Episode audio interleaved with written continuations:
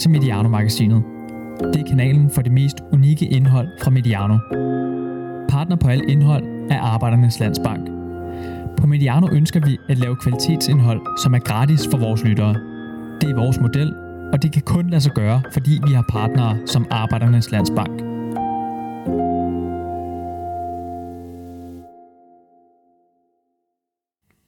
Det føles som om man, man det føles som om man endelig har fundet sin, øh, sin plads i livet og sin plads på den her jord. Som om man endelig har fundet ud af, hvorfor er jeg her egentlig? Det føles fuldendt. Øhm, nu, hvis alt går, går galt, så har jeg i hvert fald det. Og det føles helt enormt befriende, og som en helt enormt stor lettelse.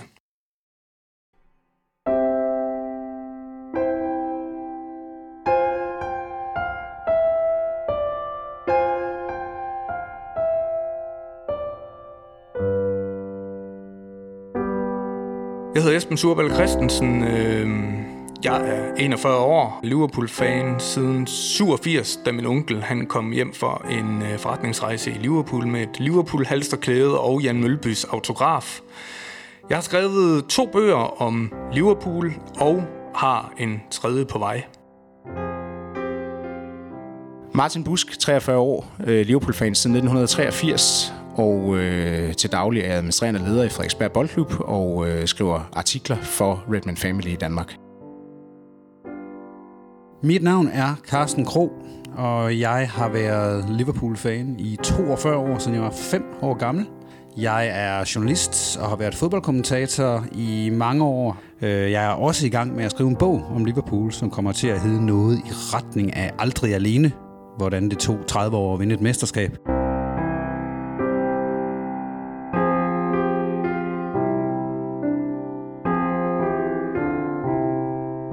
Lige præcis onsdag den 30. maj 1984. Og jeg husker det rent faktisk, hvor vildt den lyder, fordi det er mange år siden, øh, som, en, som en aften, der var ret sådan tydelig for mig.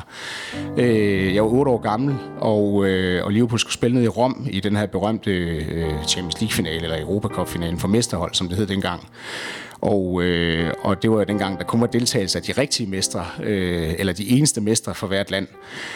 Og øh, så var der nogle sportslørder udsendelser i tiden op til, hvor, hvor jeg ved flere lejligheder sådan på DR havde set det her fodboldhold, der hed Liverpool. Øh, de var, synes jeg, sindssygt dygtige, og de vandt stort set alt i, i de her år. Øh, jeg husker Kenny Dalglish, han var alt for vild. Øh, det samme var Jan Ross. Øh, Allan Hansen var en genial forsvarsspiller, øh, og en overgang faktisk også min favoritspiller, fordi jeg troede, han var dansker ud fra, fra hans navn, indtil jeg blev lidt klogere. Det var længe før internettet og så videre. Øh, Graham Souness, Phil Neal, Craig Johnston og så videre, dem var jeg også imponeret over. Det var sådan set sådan, det hele opstod. Og så øh, den her aften, i den her finale, som var en onsdag aften, der gav min far mig lov til faktisk at blive op og se øh, den her finale. Øh, det, sker, det skete i hvert fald dengang ikke særlig tit, at man gav 8-årige lov til at være op så længe, øh, som der var tale om efter kl. 8. Så husker jeg i anden halvleg, at han, øh, han bad mig om at børste mine tænder, fordi nu er det snart sengetid. Øh, og jeg gjorde, som han sagde, jeg frygt for, at øh, ellers så ville det blive endnu tidligere. Og da jeg kom ud igen efter at have børstet tænder, var han selv faldet i søvn i sofaen. Så, så min fortælling om den aften, det var sådan set, at jeg sad så musestille. Det er nok den eneste gang i, i den tid, jeg holdt med Liverpool, at jeg sad så stille, som det overhovedet kunne lade sig gøre for øh, simpelthen at få lov til at se kampen færdig, uden, i, uden at overhovedet at skulle forsøge på at vække ham, eller, eller gøre antræk til at vække ham. Og det var med neglebidning og alt muligt andet, og det var et kæmpe drama, den kamp, altså, som, øh, som ender 1-1. Briggs scorede en forlænget spilletid, øh, og så skulle man i en strafsparkkonkurrence, som Liverpool vandt 4-2. Så, så det, var, det var den første vilde oplevelse med, med Liverpool, bare som 8-årig. Så, så, øh, så der er gået meget igennem siden, men, øh, men, men det var i hvert fald sådan, jeg blev øh, fan af dem sådan for alvor. Min far, han var også, øh, han var også Liverpool-fan. Ikke sådan, øh, kan man sige, så fuldblod, som øh, jeg skulle vise sig at, at, at gå hen og blive, men men han var, og det, Liverpool var og er hans hold. Han er også øh, stor Beatles-fan, så han har altid haft en, en kæmpe forkærlighed for den her, den her nordengelske havneby. Og, og det hjalp, da, da Jan Mølby øh, selvfølgelig også, også kom til, så blev jeg endnu mere øh, opmærksom på, på Liverpool, og var jo i de der, kan man sige, sen barneår der, jo øh, opmærksom på, når Liverpool en sjældent gang blev vist i, i, i, i, i tips lørdag, så skulle jeg se med, og havde øh, samlet på klistermærker og, øh, Liverpool-spillere. Og, øh, og, og, og der var jo en, øh, en, kan man sige, en bevidsthed om, at Liverpool var et af de bedste hold i, i Europa, og hvis ikke i verden. Jamen, grunden til, at jeg blev Liverpool-fan, det er jo nok som så mange andre, at jeg elskede at spille fodbold, da jeg var barn. Og øh, så ser man jo det fodbold, man kan i fjernsyn. Der er landskampe en sjældent gang imellem. Gerne for skudt, eller et eller andet, som det var dengang. Øh, og så er der fodbold om lørdagen. Tipsfodbold fra England. Og så blev jeg Liverpool-fan, fordi det var dem, der vandt. Og så havde de en spiller på hold, der lød som om han var dansker. Så jeg troede, han var dansker. Jeg var ikke så gammel dengang. Han hed Allan Hansen. Det betød også rigtig meget, at min, øh, min største uven gennem øh, min, øh, min, øh, min år som, som fodboldspillende dreng, min største uven hjemme i Kibæk, i den lille by, jeg kommer fra, han hed Torben. Ham kunne jeg ikke lide, og han kunne ikke lide mig. Og vi var cirka lige gode til fodbold, og vi spillede altid på hver sit hold. Og øh, han var et år ældre end mig. Han var, jeg vil ikke sige, at han mobbede mig, men det var tæt på. Han var en lidt ubehagelig fyr. Altså, han var jo bare en dreng, men... Og øh, han holdt med Manchester United. Så der var i hvert fald slet, hvis jeg nogensinde havde været i tvivl om, hvem jeg holdt med, før jeg mødte Torben, så var jeg ikke i tvivl, efter jeg havde mødt Torben. At jeg, blev, jeg kunne ikke holde med et hold, som han holdt med, og jeg skulle helst holde med dem, han havde mest, og det var Liverpool. Så øh, det var den måde, jeg blev Liverpool-fan på.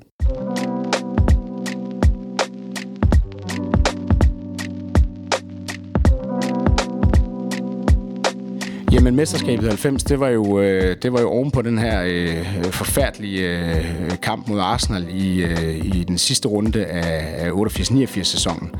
Og, øh, og så heldigvis var man i stand til at tage det her mesterskab, inden der kom 30 års tørke. Jeg var 13 år gammel. Jeg havde fået fjernsyn dengang på mit eget værelse stod over i hjørnet, husker det lige så tydeligt. Øh, 14 tommer, tror jeg. Det var det helt store dengang. Vi mødte øh, Queen's Park Rangers øh, og vandt med 2-1. Det var Ian Ross og John Barnes, der scorede. Vi kom faktisk bagud, kan jeg huske. Øh, og jeg var sådan ret ked af det. Det var jo en, en, en følelse, som jeg sådan set ikke var vant til øh, på nær lige sæsonen før, men, men også med en følelse i kroppen, sådan efter at det blev vendt om til en 2-1-sejr, at, at da vi så vandt det her engelske mesterskab, så var jeg jo bare ligesom jeg er den dag i dag ovenud lykkelig for, at, at jeg også oplevede det, øh, selvom jeg havde oplevet det tidligere. Dengang så var det jo langt fra alle Liverpools kampe, som blev vist på tv. Øh, og jeg husker, hvordan jeg gik rundt over i, i det jyske parcelhuskvarter, hvor, hvor, hvor jeg boede med, med min Walkman, med indbygget radio i øh, for at lytte til kampen på det der, der hedder BBC Radio 5 Live, som, som altid sendte fra de forskellige kampe rundt omkring i England. Man skulle sådan ramme bestemte steder i den her hjemby, jeg kommer fra, før end at øh, både forbindelse og lyd, den var nogenlunde optimal. Men, men det var sådan en, en rus, når man så hørte Liverpool, specielt på, på hverdagsaften, når man gik rundt udenfor, fordi indenfor kunne man slet ikke trække øh, få forbindelse over til. Det var faktisk om ved en, ved en lille skovsø, der var i en, i en by, der hedder Viding, øh, hvor jeg boede. Der lå en skovsø, og derom var der altid klart bedst signal på, på det her AM-bånd. Så, så det var typisk derom, vi gik rundt.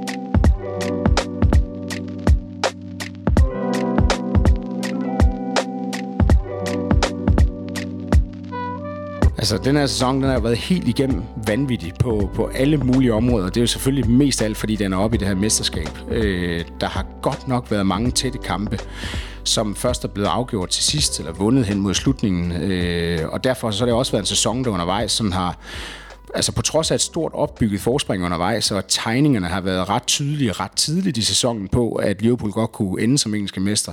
Så har den alligevel i hvert fald for mig været fyldt med spænding. Øh, ni sejre på 2-1, siger sig selv. 14 sejre i alt er ind på et enkelt mål, øh, og det vidner om den her vedvarende spænding, der har været i løbet af en hel sæson, på trods af det store forspring. Så er der andre kampe, de har været med, med et voldsomt suverænt outcome øh, ud af dem. Altså 4-0-sejren anden juledag mod, mod Leicester øh, har, øh, står stadigvæk som noget af, af, af, af sådan en af de største præstationer i sæsonen. Øh, mest suveræne præstationer i sæsonen. Men, men, øh, men man kan sige, på alle områder har det været en fantastisk sæson, når det nu ender op i et mesterskab, og det jo ikke sker så tidligt, som det gør, øh, i forhold til, at det ikke lige sker i næstsidste eller sidste spilrunde, som, som man jo godt kunne have frygtet, eller som hvis man tager tilbage til sæsonen øh, øh 2018-19, hvor man i ganske få sekunder øh, faktisk var mester på sidste spilledag, da, da Liverpool møder Wolverhampton hjemme, og, og City øh, kommer bagud. Men og det, og det var også en vild følelse, og det var også en vild sæson, men der er selvfølgelig ikke noget, der slår den her, når det ender op i et engelsk mesterskab. Men altså noget af det, der er interessant for os gamle Liverpool-fans, det er jo, at, øh, at børn bliver Liverpool-fans i disse år. Og det er de ikke blevet i mange, mange år. Øh, fordi Liverpool i lang tid ikke spillede særlig god fodbold, og heller ikke rigtig vandt noget. Øh, nu spiller de både virkelig god fodbold, og de vinder også rigtig meget. Altså, jeg ser simpelthen nogle af mine venners børn, de går med Liverpool-tøj nu, og det er ikke noget, de har fået tvunget på af deres far, som det var for 10 år siden. nu vil de faktisk gerne have det på. Så øh, Klopps, det her hold, som han har gjort til... Altså, fra at være et hold, der var sådan nogle beautiful losers, så er det nu blevet et modent hold, der vinder. Og det skal man også for at få fans. Man skal vinde, man skal vinde mesterskaber, og man skal vinde trofæer. Man kan ikke kun være et smukt spillende hold. Altså man skal også vinde noget, og det gør de nu Liverpool, og jeg tror måske også, de kan vinde et mesterskab eller to mere i de næste to, tre, fire år. Ikke?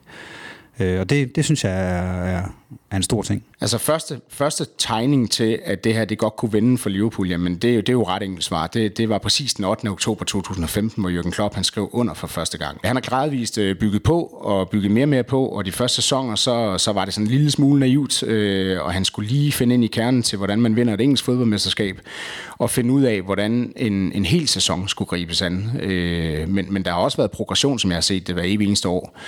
Startskuddet for mig lød for alvor efter det her store 4-1-nederlag på Wembley mod Tottenham øh, den 22. oktober 2017, altså faktisk to år efter han er kommet til.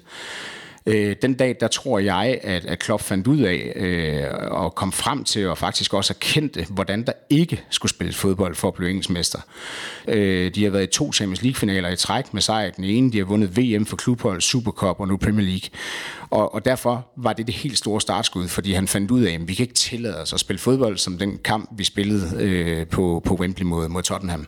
Og hvor man vinder 4-1 og fuldstændig spillet ud af brættet i løbet af en halv time i første halvleg. Så, så det har været det store startskud for mig. Altså, før den her sæson, der troede jeg, at City ville vinde igen. Jeg tænkte, at det bliver et parløb igen mellem Liverpool og City, men jeg synes simpelthen, at City de var så overlegne, og de var så dygtige, fordi det kan godt være at sidste sæson, at City kun vandt med et point. Men City var meget bedre end Liverpool sidste sæson. De var, hvis du så på XG'en, og det er ikke fordi XG'en altid har ret, men, øh, øh men XG'en er altid et godt supplement til den rigtige stilling. Og hvis du så på XG'en, så vandt City jo mesterskabet sidste sæson med 12 point eller sådan noget. Altså Liverpool var, som jeg ser det, var heldige med overhovedet at komme så tæt på City. Også dygtige, men de er også heldige. Øh, og i den her sæson, der er Liverpool bare det niveau over City, som City var over Liverpool sidste sæson. Ikke? Det kan godt være, at Liverpool slutter 25 point over Manchester City, men de er ikke 25 point bedre end Manchester City.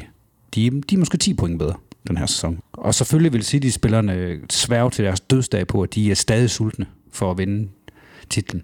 Men det er stadig et hold, der lige har vundet titlen, og i øvrigt også har vundet titlen et par år før det. Øh, og Liverpool har ikke vundet noget. De har ikke vundet noget i 30 år. Og jeg synes bare, at Liverpool har set sulten ud. De, de ville simpelthen bare vinde det mesterskab i år. City vil jo egentlig, let's just face it, de vil jo hellere vinde Champions League i den her sæson. Det er ikke nogen dårlig undskyldning. De har ikke haft en chance for at nå Liverpool alligevel. Jeg tror, at vi som Liverpool-fans, og Jürgen Klopp også, er nødt til at, at sende en venlig tanke til øh, Pep Guardiola og Manchester City. Uden det, de har gjort de sidste sæsoner med at hæve baren i forhold til, hvordan man skal præstere. Jeg, jeg, jeg tror, det har med, været medvirkende til at ændre, at uafgjort er ikke nok. Der skal sejre til næsten i, i hver eneste kamp. Og det beviste de sidste sæson, hvor jo både City og, og Liverpool jo gik på de her winning streaks, de her ubesejrede togter. Og der troede jeg på, at indtil Company ramte en bold en mandag aften mod Leicester, som han aldrig nogensinde har ramt en bold før og ville have hævet siden, havde jeg faktisk en tro på, at de, at de kunne gøre det. Og så, så havde det ikke været ufortjent. Det var et hold og en manager og en klub, man igen kunne være oprigtig stolt over. Der var så den nagende tvivl i mig, at når det ikke blev sidste sæson, med, med et rekordantal, altså et rekordhøjt pointantal på 97. Hvornår skulle det så være? Men, men der gjorde de bare, der gjorde de bare, der gjorde han og de os bare alle sammen til skamme. I den her sæson, der troede jeg på det, da vi slog Leicester. Og da vi så slår Manchester City på hjemmebane, så, så tror jeg, det går op for mig, at nu er det endelig. Og så kommer der så en alt ødelæggende pandemi, som slår en tilbage til nul, og for, for en stund gør fodbold og mesterskaber fuldstændig ubetydelige.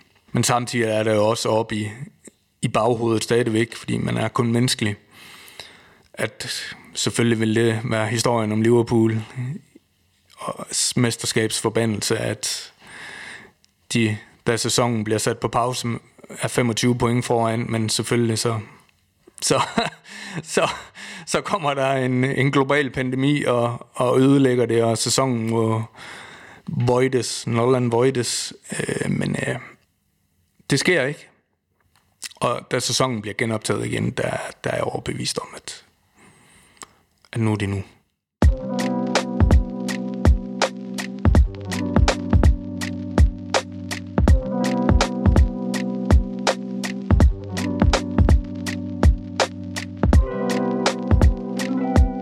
Jamen, øh, jeg var i vores nyerhvervede kolonihavhus øh, ude i Ballerup, hvor jeg sad faktisk og så den her kamp mellem Chelsea og City øh, på min bærbare computer med, med god forsinkelse på.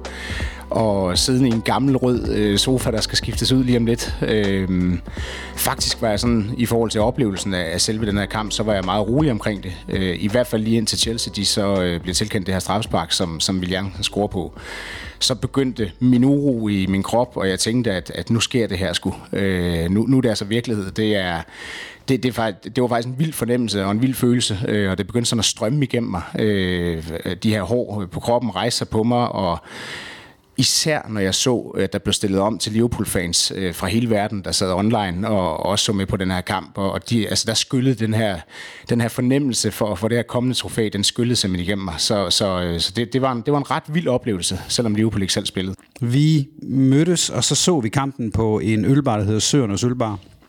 Og vi så den sammen med sådan en flok Chelsea-fans og en del andre Liverpool-fans også. Øh, og øh, fik en 3-4 gode øl, måske en enkelt mere end det, og havde også lidt ondt i hovedet dagen efter. Ja, man er selvfølgelig lykkelig på en eller anden måde. Det er, det er jo kæmpe stort. 30 år. Man sad og ventede på, at det skulle ske, og på en måde er det selvfølgelig også et lille bitte antiklimaks. For det første, at Liverpool ikke selv gjorde det ved for eksempel at slå Manchester City, øh, eller et andet hold. Øh, men selvfølgelig også fordi, at der hverken var tilskuere, eller at der var nogen, der kunne fejre det, eller noget som helst. Men, øh, men altså, Øh, jeg synes egentlig, det var ok, at vi bare vandt. Det, altså manifestation, ikke? Altså så mange point, det, det er jo helt vanvittigt. Det, det, det, ja, det er svært at, at forstå. Retrospektivt har jeg oven på Manchester City-kampen, har jeg indsat fundet ret, ret meget fred i, at, at det var ude af, af og nu siger jeg vi, men af, af Liverpools hænder, øh, fordi det havde simpelthen været et øh, følelsesmæssigt øh, en følelsesmæssig skærsild og, og skulle sidde der i 90 minutter og kontinuerligt være afhængig af, at udfaldet af den her kamp, den, den bragte det her mål, øh, så man kunne sidde delvist uden aktier i det her i den her kamp, jo som øh, i sig selv var, var helt, helt enormt underholdende og øh, bølgede frem og tilbage. Øh, men jo nærmere man så kommer hen øh, på, på øh, da, øh, da Chelsea ud, eller får scoret til, til, på det straffe her med Willian, der, der, der, der kan man også godt mærke, at lige pludselig så er ens, øh, ens skæbne afhængig af et, af et andet hold. Øhm, og, og et andet hold jo, der i 2014 var, var, var, var, var ikke rigtig skyld i, at, øh, at Liverpool ikke fik mesterskabet der. Det var der også øh, noget poetic justice i. Øh, havde Liverpool ikke været så overbevisende igennem den her sæson, så havde det nok fyldt mere, at vi ikke selv kunne afgøre det. Men, men der var også der var sådan noget i, at, at, at City igen tabt øh, på det tidspunkt deres, deres 8. kamp. Øhm, og Liverpool lige havde været øh, overbevisende mod mod Crystal Palace, og alligevel også u, altså, øh, et par dage for inden jo i et, i et Merseyside derby jo spillet øh, ganske uinspirerende, men alligevel fået point, og det synes jeg var meget kendetegnende for, for den her sæson, at, at, at Liverpool har, har fået pointene, og, og City jo så nu har tabt, har tabt ni kampe, og, og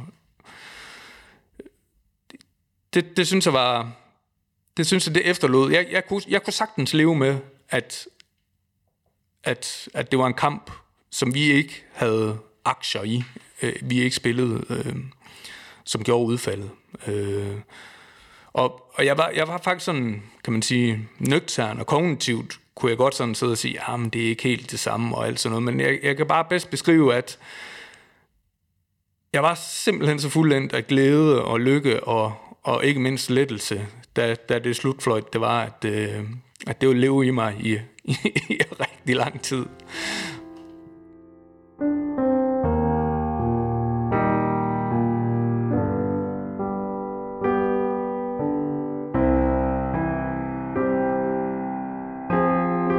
Og jeg tænkte over, jeg tænkte over rigtig mange ting den aften. Øh, nu er jeg jo, jeg var jo ung i 90'erne, og jeg tænkte, øh, det sidste mesterskab var jo, var jo i 90, og, og der var jeg jo var jeg 11 år. Og det, man kan sige, dengang, der, der kom mesterskaberne så kontinuerligt, at de ikke blev fejret, og jeg var, jeg var 11 år, og, og som hvis jeg skal være helt ærlig, nok mere frem til, at der var VM i Italien, øh, end at, at, at Liverpool var, var, var blevet mestre. Fordi det gjorde de jo øh, kontinuerligt dengang. Da jeg så blev ældre, og Liverpool havde været allerede igennem sådan et, et, et forløb med, med Graham Sunes, hvor, hvor de havde virkelig bare jo faldet højt for tænderne, man havde en, en talentfuld generation, ikke? Ulig, øh, kan man sige, den class of 92, som, som United jo øh, grundlagde nærmest hele deres, øh, kan man sige, øh, dominans med, altså Beckham, Scholes, øh, Neville og så videre. Øh, den samme vil jeg jo påstå, talentfulde generation havde, øh, havde Liverpool på daværende tidspunkt med, kan man sige, Fowler, McManaman og Jamie Redknapp og, og så videre. Men det Manchester United har, og, og, og Manchester United kommer til at fylde rigtig meget af den her øh, fortælling, det var, at de havde Alex Ferguson, og han øh, havde installeret og fik installeret en øh, mentalitet og en kultur i, i, i den klub, som, som Liverpool rigtig rigtig lang tid og mange år og årtier haltede efter. Og da jeg lagde mig på, på hovedpuden den aften, så var det øh, en fuldstændig overbevisning om, at den her kultur er geninstalleret i Liverpool igen, og af en mand, Jürgen Klopp. Og man kan sige, og det kommer til at lyde lidt mærkeligt, fordi jeg ved, lige har været besat af den her mesterskabspokal, så tror jeg mere, at det var tanken om, og følelsen af, og oplevelsen af, at Liverpool var de bedste, og er de bedste. Øh, det var ikke i, ligesom i 05, hvor man bliver Champions League-vinder de facto mere, mere held end, end, end dygtighed. Det er ikke... Øh, det er ikke en sæson i 14, hvor man ansporet af en, øh, en bindegal sydamerikaner og øh, stjerner, der står rigtigt på, på himlen, og øh, et, et momentum i løbet af foråret, der gør, at man er, er snublende tær, tæt på mesterskabet der. Nej, det er et fundament, der er lagt over, siden Klopp kom til, og en holdpræstation og en kultur, der er lagt igennem holdet, der har gjort det her, og det synes jeg, det, gi- det, føles, det føles fuldendt, og det føles ikke mindst fortjent. Og det var det, jeg sad med, at det, at det var fortjent. Og det var, det, var, det var simpelthen den største tilfredsstillelse.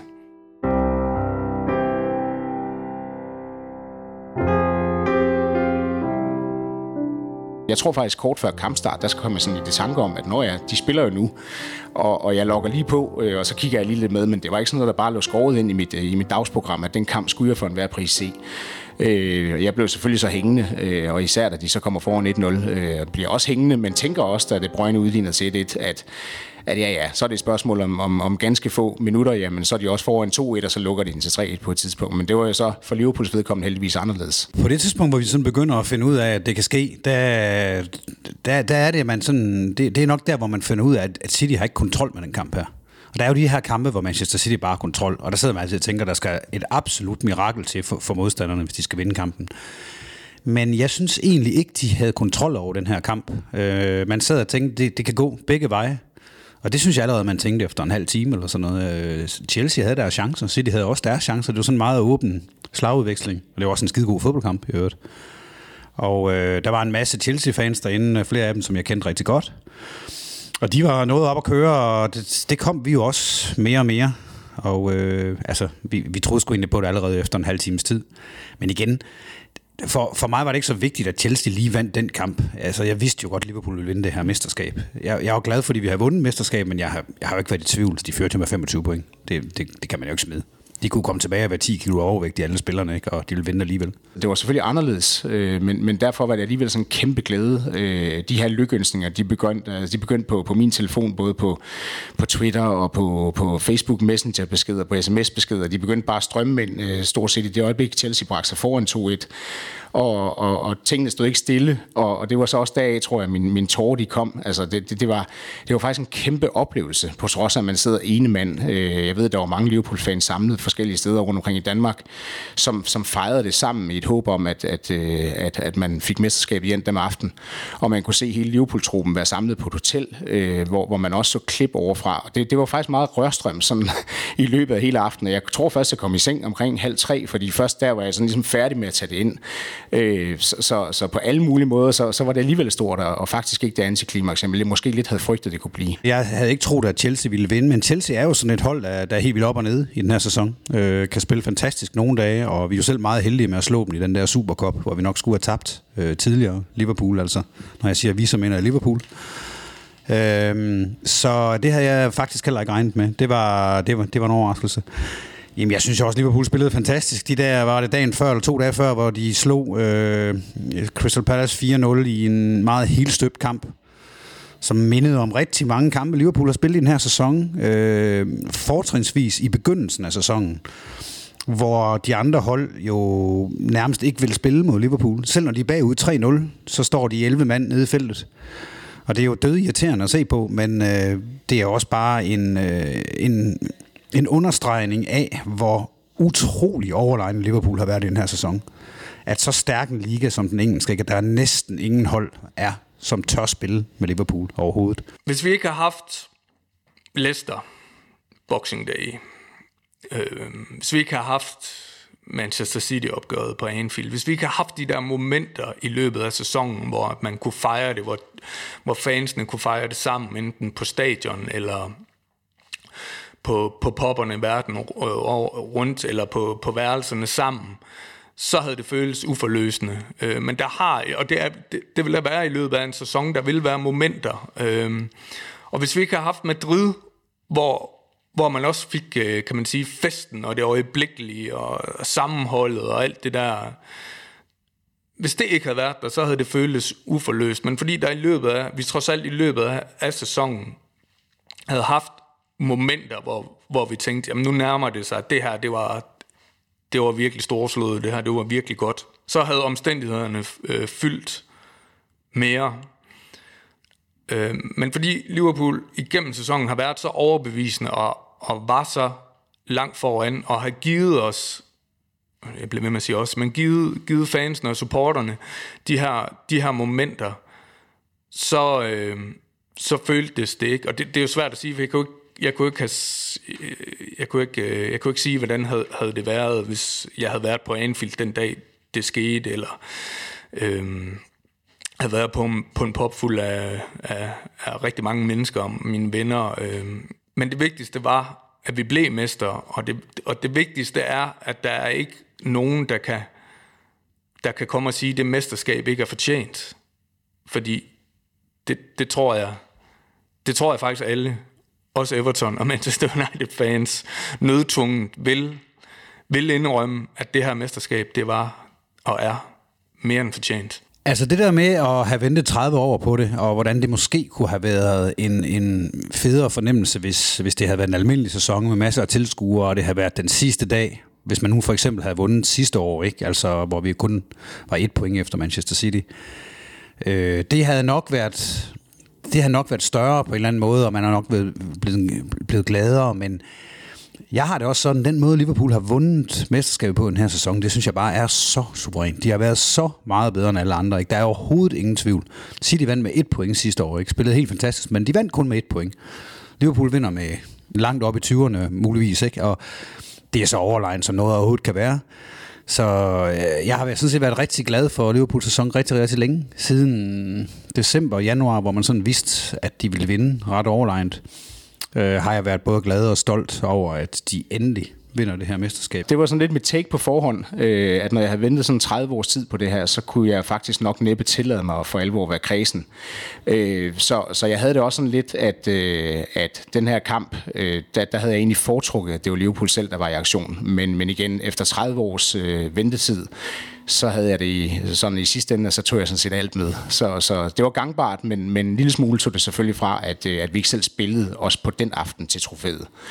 Jeg vil så sige, at jeg tog fejl da, øh, da Stuart Atwell han, øh, han fløjte af, så begyndte min tår faktisk øh, helt uventet at trille ned af kenderne på mig ude i det her kolonihavehus. Øh, jeg knyttede hænderne, jeg råbte alt, hvad jeg kunne, og det var faktisk en ret vild følelse, øh, og meget vildere, end jeg havde regnet med. Det er ligesom, når jeg står og taler om det nu, og tænker tilbage på, på, på den her torsdag aften, jamen, så får jeg gås ud på, på hele kroppen over det. Så, så det var fantastisk alligevel, selvom Liverpool ikke selv spillede.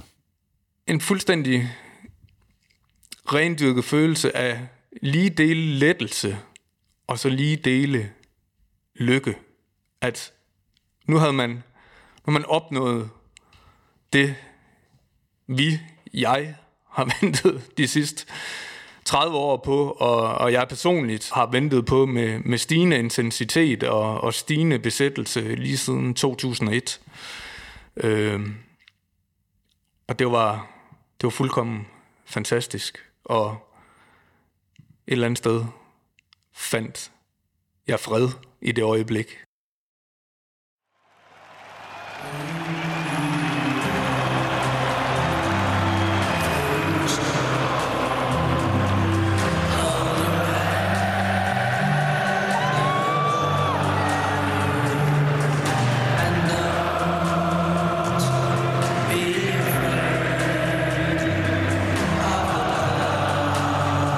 Det der med at gå til fodbold i Liverpool, det er også det, det er en speciel oplevelse, det er ikke kun på grund af selve stadion på Anfield, fordi Anfield er fantastisk nogle gange, men, men andre gange kan det også være stille som grav. Hvis det er en kedelig kamp, hvis der er for mange turister. Øh, og det kan du også se, at Klopp nogle gange har, har brugt sig over, ikke? at det, det, er slet ikke, det er slet ikke fanatisk nok. Han er vant til Dortmund og den gule mur og alt det her, ikke? og det var han. Og han kunne ikke forstå, hvordan i nogle Premier League-kampe, at øh, det nærmest var helt stille som bibliotek nogle gange. Og det kan Liverpool også være. Og man kan også sige, at nogle gange er det jo fabelagtigt. På de der European Magic Nights og sådan noget, der kan det gå totalt amok på Anfield. Så det kan, det kan være fanatisk, men, men det kan godt nok også være noget helt andet. Altså for mig, så det der med at komme på Anfield, det er også meget at komme på pop et par timer før, tæt på Anfield. På de her klassiske gamle Liverpool-pops, hvor der er Liverpool-memorabilia overalt simpelthen. Ikke? Og så stå med de her gamle, tykke mænd, som, øh, som alle sammen holder med Liverpool og holder med dem altid. Og lige meget hvor varmt eller koldt det er, så er de, så er de bare sådan en lille øh, Kenny Dalglish øh, halsterklæde eller et eller andet på, ikke? Og de, er, de har bare fulgt med ty- tykt og tyndt altid. Det synes jeg er det fedeste ved at gå på, altså til fodbold i det hele taget. Der synes jeg, der kommer jeg altid to-tre timer før kampen, bare for lige at drikke en øl eller to med de lokale og snakke med dem. Og der er igen det der Liverpool sammenhold, selvom man kommer fra Danmark og, og, og så videre. Ikke? Det, der er et eller andet, uden at man sådan er brødre eller noget som helst, så, så, så ved vi bare alle sammen, hvad vi har været igennem på en eller anden måde. Og så håber man jo, at man vinder den dag. At være der, det er helt fantastisk. Øh, jeg har været der 29 gange. Øh, jeg har oplevet 22 sejre, 6 uger gjorde og så et enkelt nederlag. Det var en Carabao Cup kamp mod, mod Chelsea, øh, hvor vi stillede, øh, det gjorde de også med et B-hold Øh, her for i år. Men, men ellers så, øh, så har jeg sådan set formået at være ubesejret, når jeg har været derovre. Har oplevet et par triste 0-0-kampe. Det har ikke lige været sagen.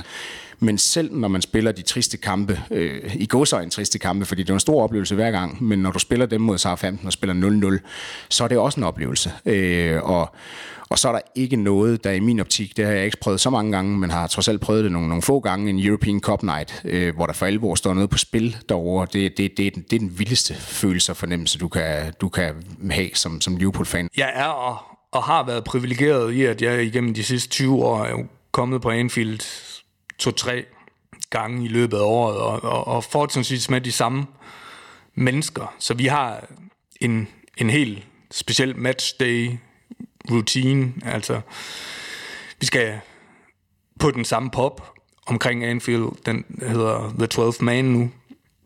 Vi skal mødes med de samme mennesker. Øh, vi kender derovre og, og, og på den pop. Vi skal have et eller andet at spise der omkring lige ved 12 man, der er der en, øh, en øh, bookmaker, en William Hill, der skal vi i hvert fald lige ind. Og så er der en, en Chinese takeaway, også på, lidt ved siden af til venstre for dig, og der skal vi, der skal vi ind og have en, en curry. nogle, nogle virkelig våde, ulækre pomfritter med masser af stærk curry over. Og så øh, i starten af jeg kom på Anfield i, i, jo, i slutningen af 90'erne og sådan noget, der, der skulle man helst være på stadion tidligt for at få det hele med øh, og høre You'll Never Walk Alone. Og nu, nu i forhold til de lytter, der sidder her og hører, hører med, og, og, og ikke har været på Anfield endnu, øh, så lyder det her helt enormt privilegeret øh, og utaknemmeligt. Øh, men stigende, så betyder det, at, at stå på den der pop med de her folk, det betyder mere og mere, og så, og så når man kommer hen på Anfield, jeg har, jeg har ikke, til de store kampe, hvis jeg er så heldig at have privilegeret at få billetter til dem, så vil jeg gerne være der, når You'll Never Walk Alone, men er det en søndag eftermiddagskamp mod øh, Crystal Palace, og, og alle har tømmermænd, så behøver jeg nødvendigvis ikke at stå og jo høre You'll Never Walk Alone, fordi så er det ikke så er det ikke det, det bliver. Altså, myterne, myterne siger, Øh, men, men er det en Europa League kvartfinale mod Manchester United en torsdag aften, og stadionlyset er der, og, og alt er på spil, jamen så er det bare, så er det bare et magisk sted at være. Og, det er et, og så er det magisk og I høre You'll Never Walk Alone, og det er magisk at fornemme, hvad 54.000 mennesker kan opnå, plus de 11, der er på banen i samhørighed. Det er det, Anfield kan, når Anfield er bedst. Jeg har også været der, når Anfield er værst. Når folk er opgivende, man er der i marts, og mesterskabet er for længst sejlet bort, så er det ligesom alle mulige andre engelske stadions. Mange siger jo, at, at Liverpool er et frygteligt sted at være i forhold til, til, til både vejret, men også til, til byen, og, og jeg er helt uenig. Altså, jeg, jeg synes, og vi joker sådan lidt med i min egen vennekreds, når vi er derovre, at, at solen skinner altid, når vi er der. Det, det er godt nok sjældent, at, at det er koldt og blæsende og regnvejr og så videre, som man ellers altid hører om, at det er der i Liverpool. Om vi så bare har været heldige, det, det er en anden ting, men, men øh, vi synes altid, at det er stort set at forrygende, når vi er afsted derovre. Det handler selvfølgelig lidt om på tidspunkt på, på i løbet af en sæson, hvornår man rejser derover men, men folkefærdet, stemning i, i byen, øh, på, på byens gågader og i centrum og så videre, det, det er helt fantastisk. Du ser stort set altid en i rød, uanset hvor du bevæger dig henad. omkring, både omkring kampdage, men også hvis du bare er der på almindelige dage øh, i tid eller i dagene, og dagen op til. Så, så, øh, så byen Liverpool er også lige så fantastisk, som det er at være på selve Anfield. Øh, jeg synes, det er et dejligt stadion at komme på. Jeg synes også øh, stadig, at det lugter af arbejderklasse, og så ved jeg godt, at de lokale synes, at det, at det udelukkende er fyldt med kinesere og danskere og nordmænd og, og hvad der ellers er af, af turister. Det har de sikkert ret i, i forhold til gamle dage. Jeg synes stadig, der er en, en rigtig god fornemmelse af, af arbejderklasse, og så er der også det her med You'll Never Walk Alone, som man jo altid synger på Anfield, også dengang de tabte var det 6-0 på hjemmebane til Arsenal i en eller anden pokal i den værste tid for cirka 10 år siden. Og så slutter man med at synge You'll Never Walk Alone de sidste 5 minutter og hylde spillerne alligevel. Altså det, det synes jeg, det, det, det var ikke ret mange klubber, man gjorde i, tror jeg ikke. Så jeg synes, det er lidt specielt. Og så er det også det her kvarter med Anfield, ikke? fordi det er jo et frygteligt kvarter. Det er jo, det er jo nærmest livsfarligt at være derude, når der ikke lige er blevet spillet spille fodbold. Så det er virkelig grimt, øh, hårdt arbejderkvarter, ikke? som man... Øh, som man sådan har jævnet nogle, øh, nogle hus med efterhånden og gjort øh, Anfield større. Nu bliver Anfield endnu større her næste sæson øh, igen en gang. Og jeg synes, det er dejligt, at øh, FSG, de her lejer, øh, ejere fra USA, at de ikke bygger et nyt stadion. Jeg synes ikke, jeg synes ikke Liverpool skal spille på et, et stadion, der hedder noget andet. Altså Liverpools hjemmebane, den hedder Anfield. Og det skal den altid gøre, synes jeg.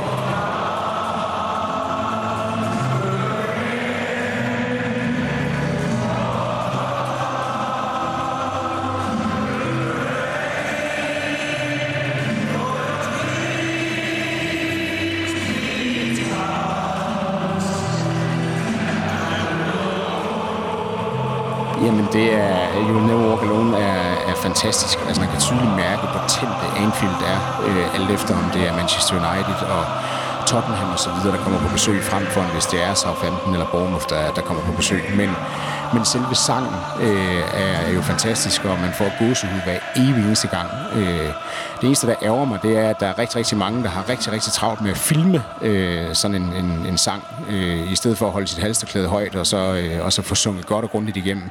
Mange skåner rent faktisk sig selv for at synge, blandt andet fordi man, man kommer ret tæt på sit eget kamera, det synes jeg er voldsomt irriterende. Men man kan også godt forstå det, især hvis det er førstegangs øh, oplevelse for folk, at de så får det filmet, men, men man kan godt høre på de her, især europæiske kopaftener, hvor, hvor, hvor alle følelser simpelthen sidder uden på tøjet, at der bliver simpelthen skrålet igennem på en anden måde, end, end hvis det bare er en hjemmekamp mod, mod Bournemouth. Jeg har selv bogstaverne øh, tatoveret på egen krop, øh, YNWA, som jo står for You'll Never Walk Alone, og det, og det har jeg simpelthen, fordi det, den, den sætning betyder for mig personligt alverden. Øh, mange, især ikke Liverpool-fans, har det jo med at joke med det, og, og, men, men for mig betyder det noget. For mig har har Liverpool i mit liv altid været der for mig. Øh, også selvom det er gået ned ad bakke langt flere år, end det er gået op ad bakke. Øh, og, og selve teksten i Gary and the Pacemakers sang er, er også bare fantastisk, fordi det handler simpelthen om at holde sit hoved højt hævet, uanset hvilke udfordringer du kommer ud for i dit liv. Øh, og at man i bund og grund aldrig er alene omkring noget som helst. Øh, og der er altid andre at følges med, især hvis man ligesom selv er parat til at, at åbne op for sig selv og sin egen personlighed. Og og så er det, man oplever, at man aldrig kommer til at være eller gå alene.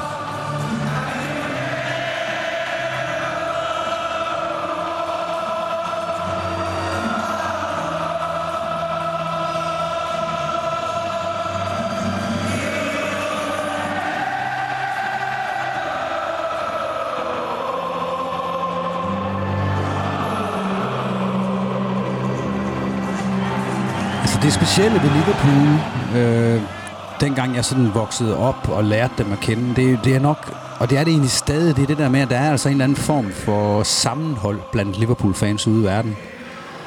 Lige meget hvor man rejser hen i verden, så er der Liverpool-fans derude, og, man, og så snart man, man lige fortæller, hvem man holder med, eller man, man viser øh, en nøglering, eller et eller andet med et Liverpool-logo, ikke, så, så er, hvis, hvis, hvis vedkommende, du taler med, er Liverpool-fan, men faktisk også, hvis, hvis vedkommende er alt andet end Manchester United-fan, så er der en eller anden form for, åh, det er jeg sgu ked af at høre, men alligevel med sådan en lille smil, ikke? Fordi Liverpool er jo, den, ja, det var jo de her 30 år, ikke? Øh, hvor, de, hvor de ikke har vundet, og hvor, hvor den her store, store klub, som Liverpool jo, jo vildt er, øh, bare ikke har kunne vinde det her øh, mesterskab på en, på en måde, så jeg har mange venner, der er AGF-fans, så der, øh, og dem, jeg har fået sympati for AGF-fans gennem tiderne, fordi at jeg lige så stille kan se min Liverpool-sorg i mine AGF-venners sorg. Ikke? Fordi GF er også en stor klub, selvfølgelig bare i Danmark, men som heller ikke har vundet mesterskabet nu i 24 år. Øhm, så det gør også rigtig, rigtig ondt. Så den der smerte har jeg ligesom kunne relatere mig selv. Men øh, jeg, jeg kan godt se det hos folk.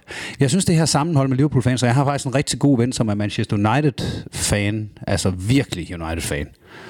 Og øh, han rejser meget. Og han sagde engang til mig, han vil sikkert aldrig indrømme, han har sagt det, men han sagde engang til mig, at han misundt det der øh, sammenhold, Liverpool-fans har i hele verden. Han sagde, at det er lige meget, hvilken bar jeg går ind i for at se fodbold i Thailand, eller Australien, eller USA, eller Canada så sidder der 6, 7, 8 mennesker i Liverpool, tror jeg, og snakker sammen. Det gør jeg ikke. Det ser jeg ikke med United, siger han. Ikke på samme måde.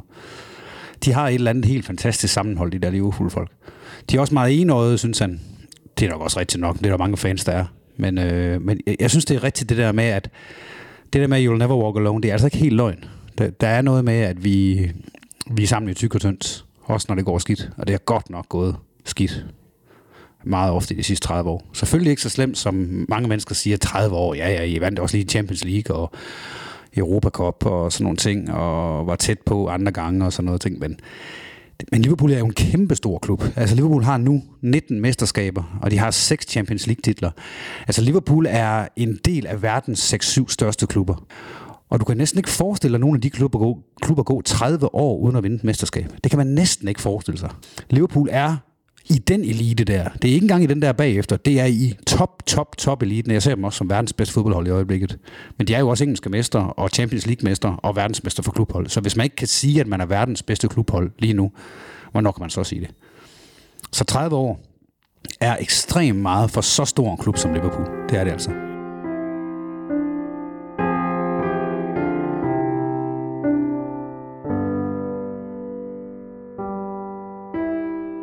Jeg vil sige det sådan, hvis jeg sammenligner med, med holdet i 80'erne, som jeg jo er født nærmest, eller i hvert fald opvokset med, øh, og hvor jeg for alvor blev fan af klubben, øh, og så den, øh, det hold, vi har i dag, og som vi har, vi har haft her de sidste 4-5 år, så vil jeg sige, at følelsen omkring det er det samme. Jeg er blevet et meget, meget ældre menneske sidenhen, så, så det er jo også en anderledes måde, jeg får det ind under huden på nu, end når jeg var 8 år, eller 9, eller 10, eller 11 år gammel.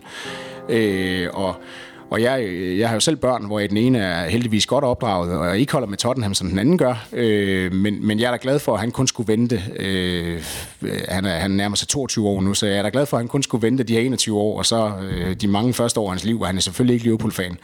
Så hans ventetid har ikke været nær så lang som min. Øh, men, men følelsen omkring datiden øh, og nutiden er faktisk øh, 100% den samme i forhold til, til det her med, at der vindes mesterskaber og trofæer, og der er tale om storhedstid, og, og, og folk ser det som, som en, en magt, der kommer ud et eller andet sted. Øh, og folk har, lige så vel som de havde dengang i, i slutningen af 80'erne, så har de travlt med øh, at, at nedgøre Liverpool og forsøge med alt, hvad det overhovedet øh, er, er, ligger i folk bare og, og sige, jamen nu, skal, nu venter man yderligere 30 år osv. Og, og det, det er en præmis, det er sådan, det er. Men, men øh, følelsen omkring det, det, det er fuldstændig det samme. For mig betyder det helt ekstremt meget. Jeg har også læst alle de der historier om, hvordan klubben opstod i sin tid, og og, øh, og hele Liverpool, Manchester øh, rivalry, som starter med den her kanal, der bliver bygget øh, ind til Manchester øh, for mange, mange år siden. Ikke sådan, at Liverpools, en masse af Liverpools øh, dogarbejdere øh, bliver arbejdsløse og starter nærmest en depression i Liverpool. Der er en masse interessante historiske ting med, med Liverpool. For, for mig betyder det rigtig meget også det her med, at det er en arbejderklub. Øh, og de, de ser sig selv som en arbejderklub. Og øh, det er også vigtigt, at Liverpool, når du kommer på Anfield, at der er, der er mange lokale på stadion. Øh, at der er lokale tømmer, der er lokale håndværkere, og der er lokale folk, der bor i Liverpool, og det er ikke bare kinesere og nordmænd det hele. Øh, og danskere, for den sags skyld. Øh, så det, jeg synes også, dengang de begyndte at snakke om, at, øh, at sæsonkortholderne skulle til at betale to gange eller tre gange så meget, som det de har gjort tidligere, og så rejste der sig sådan en storm af, øh, af protester at så bakkede man også ned fra sin lidt høje hest, der, fra de der ejere der. Fra, jeg synes, de nye amerikanske ejere der, de har været dygtige til at, at veje stemningen. Jeg tror om John W. Henry og FSG i det hele taget, jeg tror, de konsulterer Kenny Dalglish ret meget, og stoler meget på hans fornemmelse. Og øh, både den gang har de jo, det, så, så satte de jo den her pris ned igen, fordi så sagde de, det, det kan vi ikke leve med i Liverpool. Det, det er ikke den måde, vi skal tjene penge på. Og man gjorde også noget lignende her under coronakrisen, hvor man, øh, hvor man faktisk lavede om på sin beslutning om, og at det offentlige skulle betale en hel masse af de her lønninger, og man skulle sende folk hjem og sådan noget. Efter at der også blev, blev sagt, prøv at høre her, det, det er altså ikke måden, vi gør det på i Liverpool. Så jeg, jeg, jeg tror, jeg er i hvert fald stolt af det her med, at det, det kommer. Det er sådan noget arbejderklasse sagt i noget, og så kan man jo sige, at i dag er det hele blandt de store hold i England, store klubber, der er det hele jo ejet af, af milliardærer fra andre lande og sådan noget. Ikke? Men øh, jeg synes stadig, at Liverpool holder fast i i hvert fald noget af den der arbejderromantik. Historikken er tror jeg er rigtig afgørende for, at for uden at de selvfølgelig blev vist forholdsvis meget allerede dengang i, i dansk tv på DR, så, så, så er det afgørende for, at det var den måde, jeg blev forelsket i den her klub på. Øh, og den appel, den folkelige appel, øh, som, de, som de havde dengang og stadigvæk har, øh, de store spillere i 80'erne, Allan Hansen, Steve Nickel, Jan Mølby, øh, bare for at tage en dansker, som, som jo også var, var høj på strå, øh, og som, som jeg synes var ret spændende. Øh, John Barnes, Kenny Dalglish, Ian Rush, øh, det gjorde, at jeg fandt interesse for dem den her historie med først Shankly og ikke mindst øh, Bob Paisley, der bagefter er med til at bygge det her form for dynasti op, det fandt jeg også interessant. Jeg husker The Liverpool Way øh, og det her øh, andet udtryk, der hed Pass and Move, som der blev brugt meget dengang, øh, og det fængede mig ret voldsomt. Jeg elskede lyden derovre fra, fra The Cup især. Den var jo øh, kæmpestor dengang med rene ståpladser og, og stemningen, selvom den er vild i dag, så, den, så var den vildere på en anden måde dengang. Øh, og så husker jeg også de der tragiske hændelser lige fra, fra Heisel, øh, og så især selvfølgelig fra Hillsborough. Og det er jo også en del af, af den lidt mere negative historie omkring det, men det er også noget af det, der har gjort, at, at mine følelser for og omkring klubben, selvfølgelig især Hillsborough, øh, at, at, at den har den har vejet ved, øh, og, og i øvrigt er blevet opbygget øh, grundigt derfra. Den tid, der er 80'erne, bliver jo også defineret af, af to skældsættende begivenheder. Øh, en, altså Heisel, som jo, jo er en, en, en sort skamplet øh, på Liverpools øh, historie. øh, Europacup-finalen mod Juventus, hvor, hvor 39 mennesker dør øh, på grund af tilskuer uroligheder, øh, og kan man sige, og den anden del øh, bærer Liverpools tilhængere øh, den store andel i, at, at den tragedie skete. Kan jeg huske, jeg så sammen med min far om aftenen, øh, og, og har sådan billeder af det. Og så øh, af Hillsborough kan jeg også huske, at den her, den her semifinale, hvor, hvor 96 mennesker bliver, bliver mast til døde, er med til at definere 80'erne oven i alle de her pokaler, og, og, man, og man skal ikke tage fra, at de her to begivenheder, de bliver båret med op i, i 90'erne. Heisel som en skamplet på Liverpools historie og Liverpools bevidsthed, og også en begivenhed, man ofte har haft og har en tendens til at fejle lidt, måske ind under gulvtæppet af bare skam. Og så er Hillsborough jo som, som bliver så skældsættende for, for Liverpool som fodboldklub og, og Liverpool som by, som jo fodboldmæssigt også får den konsekvens, at øh, daværende manager Kenny Dalglish ikke, altså det er så stor en byrde for ham at, at, at bære det her å og være med til alle de begravelser, 96 begravelser. Det, det sætter så store psykiske ar og spor på ham, at han, han, øh, han træder tilbage. Øh, Graham Sunes kommer ind. Det er samt, samtidig majoriteten af de samme spillere, der er der stadigvæk, selvom Sunes prøver at, at, at skifte ud. Men de begivenheder har lagt så store ar på de her spillere psykisk, øh, tror jeg, at, øh, at det tager man så op med, med i 90'erne. Klub, klubben er simpelthen forandret, øh, og det vil så tage de her årtier, før, før den, den vender tilbage til det, den stod for i 70'erne og i 80'erne. Altså Heisel i 85, øh, det var jo mest af Liverpools fans egen skyld, øh, at, at det endte ud i de her øh, tragiske 39 dødsfald, som der var dengang. Øh, og øh, det var mod Juventus, og det var jo selvfølgelig nede i Belgien, og det var, det var en aften, som jeg også sad foran øh, det her lille tv, jeg så på, og det var jo forfærdelige scener, der, der, der spillede sig ud. Øh, og bestemt ikke noget, selvom det er jo ikke mig, der har haft nogen indflydelse på sådan noget overhovedet, så, så er det jo ikke noget, man som Liverpool-fan er stolt af. Øh, og det gav jo også øh, en del års udelukkelse fra, fra europæisk fodbold. 89 øh, på Hillsborough den 15. april var jo øh, det noget af det mest forfærdelige og mest tragiske, der nogensinde har op, øh, oplevet. Altså, og og jeg, jeg husker tydeligt, det var, det var den her søndag, jeg sad foran, øh, for helt godset over at tale om det nu, altså sad foran, foran fjernsynet og så det, og der blev stillet om, og, og alt var jo kaos. Altså, øh, og, og så øh, altså, efterfølgende, at at der har været så stor en kamp i så mange år for, for retfærdighed, øh, efter at, øh, at politiet ligesom var ude at sige, at det var Liverpool-fansens egen skyld. Øh, og selv nu om dage er der jo stadigvæk, der er ikke tvivl om det længere, fordi nu er skylden ligesom pålagt øh, andre end fansens egen, Altså det er ikke deres egen skyld, men, men, men det har jo været forfærdeligt mange år, øh, også over 30 år nu, at skulle, skulle gå rundt og vente på, at der kom en eller anden form for retfærdighed, og det kunne lukkes af. Så, så helt igennem tragisk. Øh, og noget af det, som jeg husker øh, som, som, som klart værst, eller som den største nedtur, når man ikke taler om det sportslige på banen.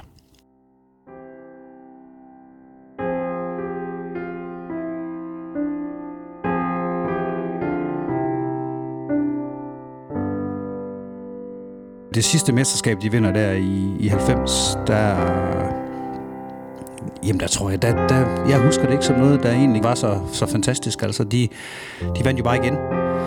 Og jeg læste også lige en interview med Steven Nichol her den anden dag, som var med dengang, ikke? og han var sådan lige kommet til, han var relativt ny, og han sagde, øh, det var, det var sådan en klub, hvor, hvor man ikke sådan, det var ikke noget, man, man talte så meget om, det var bare endnu et mesterskab. Men over før havde man faktisk også fået nærmest 20 stjålet mesterskab for, af, af den der mål, Arsenal laver, hvor de scorer til 2-0 i overtiden på Anfield og tager et mesterskab fra dem. Men så vinder de det her mesterskab, men der er Hillsborough lige sket. Og, og, og alle taler om, at Hillsborough har vejet rigtig, rigtig tungt på Liverpools spillere, Liverpools, og især på Kenny Dalglish. Så det, at de vandt det der mesterskab i 90, var nærmest sådan lidt mærkeligt, fordi alle er enige om, at de, de spillede ikke særlig godt. De spillede på halv kraft den sæson der. Men, øh, men det var også nok, fordi det Liverpool-hold, det var så ekstremt stærkt, og de var så vant til at vinde. Øh, men så, så går Doug jo, øh, og så kommer Ronnie Moran til kort tid, og så kommer Graham Souness til. Graham Souness ødelægger klubben fuldstændig. Graham Souness var en meget dygtig, dygtig midtbanespiller for Liverpool i sin tid. Benhård spiller, på grænsen til beskidt. Nogle gange langt over den grænse faktisk. Men også en rigtig dygtig spiller. Øhm, han kommer til efter at have været manager op i Skotland. Og så skal der altså bare ske et eller andet på disciplinfronten efter hans mening. Og jeg lavede et interview med Jan Mølby for nogle år siden, hvor Mølby faktisk også siger rent ud, at Graham Souness han ødelagde det hele. Han, han ville skabe sit eget hold, og øh, ville spille på en helt anden måde, og ville lave om på en masse ting, der egentlig fungerede fint. Mølby sagde, at der var to-tre mesterskaber mere i det hold, som var der. Men, øh, men Sunes ville gøre det på sin måde, og øh, han ødelagde kammeratskabet og sammenholdet og alt muligt i klubben. Måske var det også en lille smule gammeldags, men det var alligevel gammeldags. Det var alligevel dygtigt nok til, at de bare kunne vinde. Så hvorfor øh, fix something that isn't broken? Og man må også bare sige, på alle mulige måder, så, så, ødelagde, så ødelagde han også kun noget. Han, øh, han reparerede ikke noget som helst, Graham Souness, i klubben. Og det sådan tror jeg også, det er set lidt i dag. På tre sæsoner, og der, han, han er jo forfærdelig, ikke? Han bliver nummer 6 og 7 og 8 eller sådan et eller andet, ikke? Og det er jo en klub, der er vant til, at nummer 2 det er en fiasko. Så det, det er ganske håbløst. Og øh, han, han går sig selv efter en uge nederlag, hvor de ligger midt i tabellen øh, i 93, tror jeg det er. 94 er den, han smutter. Man kan sige, det der sker, det er lidt som, som altså, der, er, der er noget posttraumatisk stress oven på, på Hillsborough. Så er det også fodboldmæssigt et, et, et gammelt hold. Øh, lige har fået øh, mange af de her stjernespillere, som har vundet titler kontinuerligt op, op igennem 80'erne. Jamen, de er oppe i årene, da Sunes han kommer til. Øh, de har deres egen kultur, som også hører 80'erne til. øh, det prøver Sunes, som jo har imens i slutningen af 80'erne været forbi Italien, der prøver at have taget en masse italiensk fodboldkultur til sig, øh, og Italien var førende dengang, både på, på kost og, og konditionstræning. Det, det prøver han så med ind i et øh, Liverpool omklædningsrum, hvor nogle af hans tidligere holdkammerater stadigvæk øh, sidder og er vant til at gøre tingene på deres egen måde, og den måde, der har været så su- succesfuld op igennem 80'erne. Og det, øh, det kommer han i klins med, samtidig med, at han køber helt igennem håbløst ind, og bruger rigtig mange penge. Øh, selvom han faktisk vinder en, en, en FA Cup i 92, tror jeg. Øhm, så begår han den, kan man sige, øh, en af den primære årsager til, at Sunes også ryger øh, ud, det er jo også øh, ikke nok med resultaterne er, er redderlige. Så, øh, så giver han også et øh, interview til øh, den engelske tabloidavis The Sun, som øh, Liverpool-tilhængere og byen Liverpool har bandløs, bandlyst på, på, på Merseyside på grund af Hillsborough. Og det gør, at han, hans dage som, som manager der egentlig er, er talt. Det Liverpool gør efter Graham Souness, det er jo, at man er faktisk meget i tvivl om, skal man hoppe med på den her lidt mere internationale bølge, som er kommet i engelsk fodbold, eller skal man holde fast i The Boot Room, som er de her gamle gutter, øh, Bob Paisley og Shankly og Fagan. Øh, og det gør de så, så de bruger Roy Evans, som er den sidste fra det her Boot Room. Og han kommer ind, han er jo tidligere assistenttræner, han er assistenttræner for dem. Og øh, Roy Evans gør det faktisk rigtig, rigtig godt. Han får, hvis du ser vinderprocenten, så har Graham Sunes en på øh, forfærdelige 42 procent, ikke? og Roy Evans kommer ind og, og, og, og får den hævet op på 51,77, altså næsten 52 procent, som er en pæn vinderprocent sådan set. De klarer sig godt, de vinder også et par titler, men, øh, er det par pokaltitler, men de vinder ikke noget mesterskab. Og de er ikke rigtig i nærheden, ikke rigtig i nærheden øh, i de der fire år, Roy Evans er der. Han er lidt for du går for Graham Souness, som råber og skriger og kaster med t-stil og hvad ved jeg i pauserne, og så får du en hyggelig gammel onkel, ikke? som er sådan en, du vil rejse dig og få i bussen, hvis han kommer med sin sammenfoldede avis under armen. Sådan en er Roy Evans. Elsker der spillerne, men i virkeligheden så er det måske ikke så meget anden end han bare vidste, hvordan tingene skulle ordnes i klubben, ikke? og så måtte de sådan lidt selv gå ud og, og gøre det, de nu skulle gøre. Men det er et stærkt hold, de har. De, spiller, de begynder at lave masser af mål igen. Og øh, det, er, det er et underholdende Liverpool-hold, så på den måde, så, så er det i hvert fald et skridt op efter Sunes. Det kunne også næsten kunne gå en vej. Roy Evans, som jo op igennem både 70'erne og, og 80'erne har været tilknyttet det her højt besungne The Boot Room, øh, som var, var det her trænerlokale, hvor assistenter og managers og øh, alle omkring klubben sad og udvekslede taktik, og managers for de andre klubber kom ind og fik en, en øl eller et glas vin. Øhm, det har han været omkring, og, og, og prøver at tage tingene øhm, til sig. Øh, prøver at, at vil spille noget attraktivt fodbold, og det lykkes han i den grad med. Øh, defensiven lægger så ufattelig mange mål ind. Øh, men det sjove er, at, at Evans i 90'erne faktisk ikke efterlader Liverpool uden for top 4, men, men dengang var Champions League-pladserne bare ikke, det var ikke, øh, det var ikke top 4. Øh, og så øh, er der kommet en ny generation af fodboldspillere, der er kommet en pokkers masse penge ind i engelsk fodbold via tv-pengene. Og Roy Evans er muligvis ikke skolet til at, eller muligvis, det er han ikke skolet til at tage sig af de her, den her mere individualistiske tilgang til, til ens karriere, som, øh, som spillerne har. Og det ændrer sig også med Bosman dommene, hvor, hvor, man, man kan sige, at klubberne har haft ejerskabet over spillerne, så øh, tipper, tipper mønten over til, at det, det er spillerne, der har ejerskabet over sig selv og deres karriere, hvilket jo 2020 lyder, lyder meget fornuftigt. Øh, men det er Liverpool som klub simpelthen ikke, øh, det er de givet til, og det er Roy Evans ikke givet til. Og da man ikke endnu en gang i, i nogle af de år, øh, hvor Evans er der ikke øh, kommer tættere på, på mesterskabet, øh, og har, spilleren er dels redderlig. FA Cup finale mod Manchester United i 96, hvor kontrasten mellem de to klubber simpelthen ikke kan være større i, at øh, Liverpool-spillerne møder op i hvidmalerede Armani suits og udstiller bare, bare symbolsk alt det her med, at de har nærmest vundet. De er, de er sejrherrer, både på banen og ikke mindst uden for banen i nattelivet, øh, hvor, hvor Ferguson og Manchester United bare er helt andet sted. Og de vinder 1-0 øh, ved Cantona, som jeg husker det.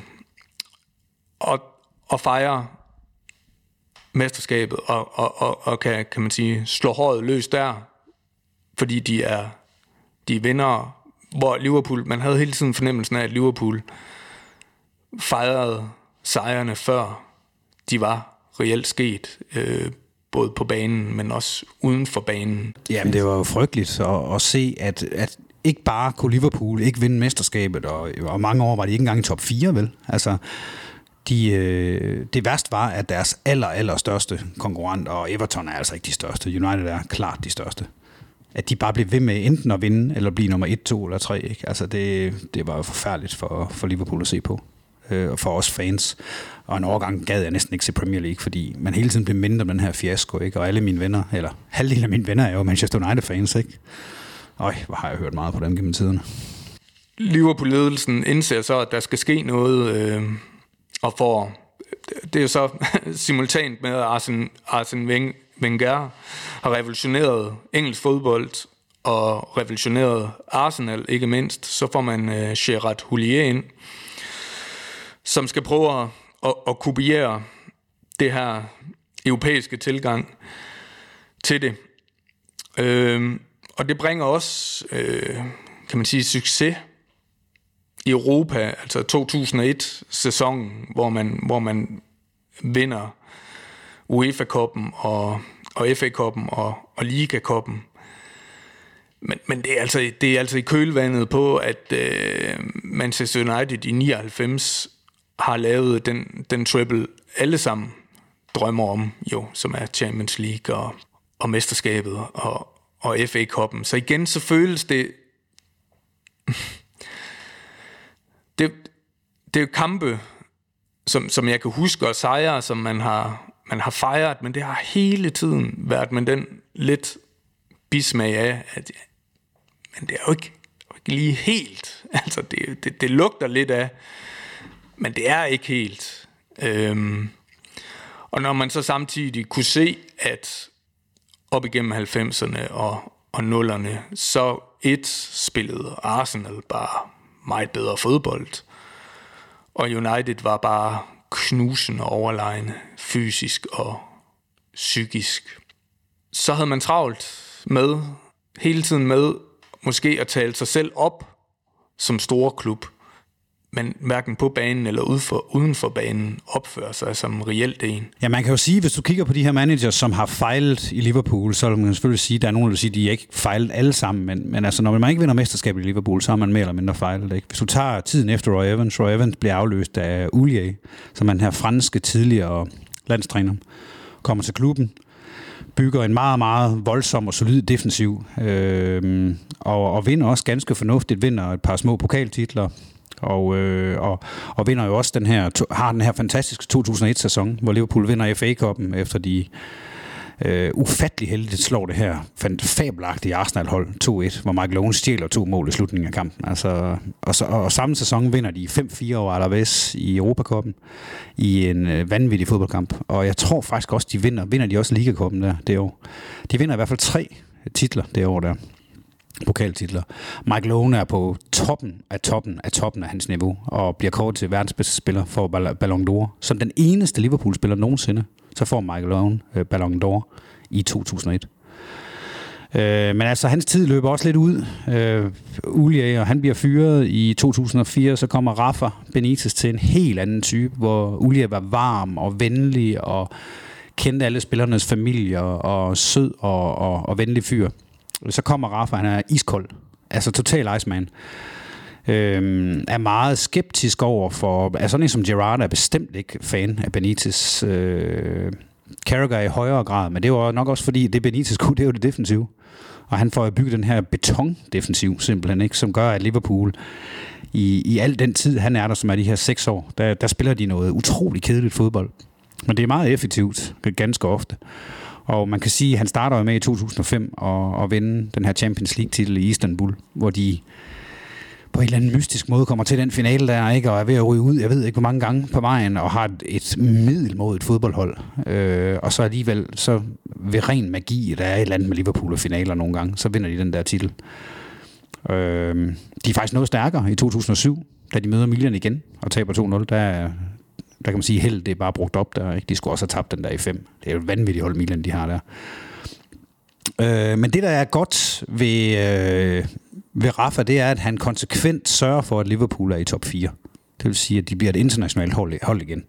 De er så svære at slå Liverpool, men der er godt nok også mange kampe, der ender i 1-0 0-0, hvor man bare sidder og gaber kæberne af led. Og det kan jeg huske, Mølby også talte om, at øh, det er et problem, det var et problem for Liverpool, øh, også fordi man, man skulle ikke kede sig, når man var på Anfield. Og nogle gange, så, var, så manglede der 10-15.000 på Anfield, og det har man aldrig gjort på Anfield. Det har altid nærmest bare været udsolgt. Det er simpelthen, fordi det var så kedeligt at se på. Så der, der er altså nogen... Der er folk derude, selvfølgelig er der mange, der bare elsker Liverpool, men der er også dem, der gerne vil se dem spille ordentligt. Hulier øh, ryger ud, fordi man ikke kommer, kommer i nærheden af, af mesterskabet man får en anden plads, men, men, men sæsonen efter, efter falder fuldstændig igennem. Kommer Rafa Benitez til, og i første sæson jo vinder øh, Champions League ved at have syv rigtige på, på lotto-kupongen med, med et, et, et hold, der ikke spiller for spiller øh, end, end ikke bør være i nærheden af den finale, men, men har en spiller, der i, i, i, i 05 og 06 sørger for, at Liverpool de, øh, de står med henholdsvis Champions League-pokalen og, og en FA Cup-pokal. I, i, og det er udelukkende Steven Gerrards skyld af min, af min påstand. Øhm, selvfølgelig er der noget taktik, og Benitez er med til at, til, til at rykke klubben i en, i en, i en mere professionel retning, både udenfor og, og, og inde på banen, men, men, men uden Steven Gerrard var, var Liverpool ikke kommet i nærheden af, af de pokaler. Det, det, det giver lidt, lidt vind i sejlene der i, i, i, i fra 05, man får købt, øh, man får købt godt ind, men lige pludselig har man en, en, en akse af, af et godt hold. Altså, man har Sammy Hyppie og Jamie Carragher nede bag i, man har Javier Mascherano og Alonso og, og Gerrard på midtbanen. Øh, man, man får købt Fernando Torres ind på det tidspunkt, og det var første gang i siden Liverpool købte Stan Collymore tilbage i 90'erne, at Liverpool igen har været i nærheden af at kunne købe en spiller med det navn og det talent, som øh, Torres var på, på det tidspunkt. Og i 08-09 sæsonen er man et virkelig godt hold. Og spillemæssigt fortjener man nok også at vinde mesterskabet, bortset fra det faktum, at man spiller 11 kampe uafgjort, og United vinder igen. Hvis jeg nogensinde hører navnet Makeda igen, eller skal gense den, den kamp, United spiller mod Tottenham, hvor at, øh, de er bagud 2-0 på Old Trafford ved pausen, og så bare gå ud fuldstændig og smadre Tottenham i anden halvleg. Det siger bare noget om United de år. Den kultur, Ferguson har, har fået installeret i den klub, den vinderkultur. Det er jo først nu, som, som snart midalderne mand, at jeg kan sidde her nu næsegrus af beundring over det, det arbejde, Ferguson havde gjort i Manchester United, fordi han var virkelig, han var virkelig øh, bøgemanden, der ødelagde alle hendes drømme som, som ung. Øh, og, og der var igen noget, noget psykisk. Altså, du kan ikke, du kan ikke blive mester, hvis du spiller 11 kampe uafgjort. Altså, det, det kan du, hvis du er Arsenal, og du så ikke samtidig taber nogen, nogen kampe. Altså, men, men det gjorde Liverpool også den sæson. De tabte så kun to.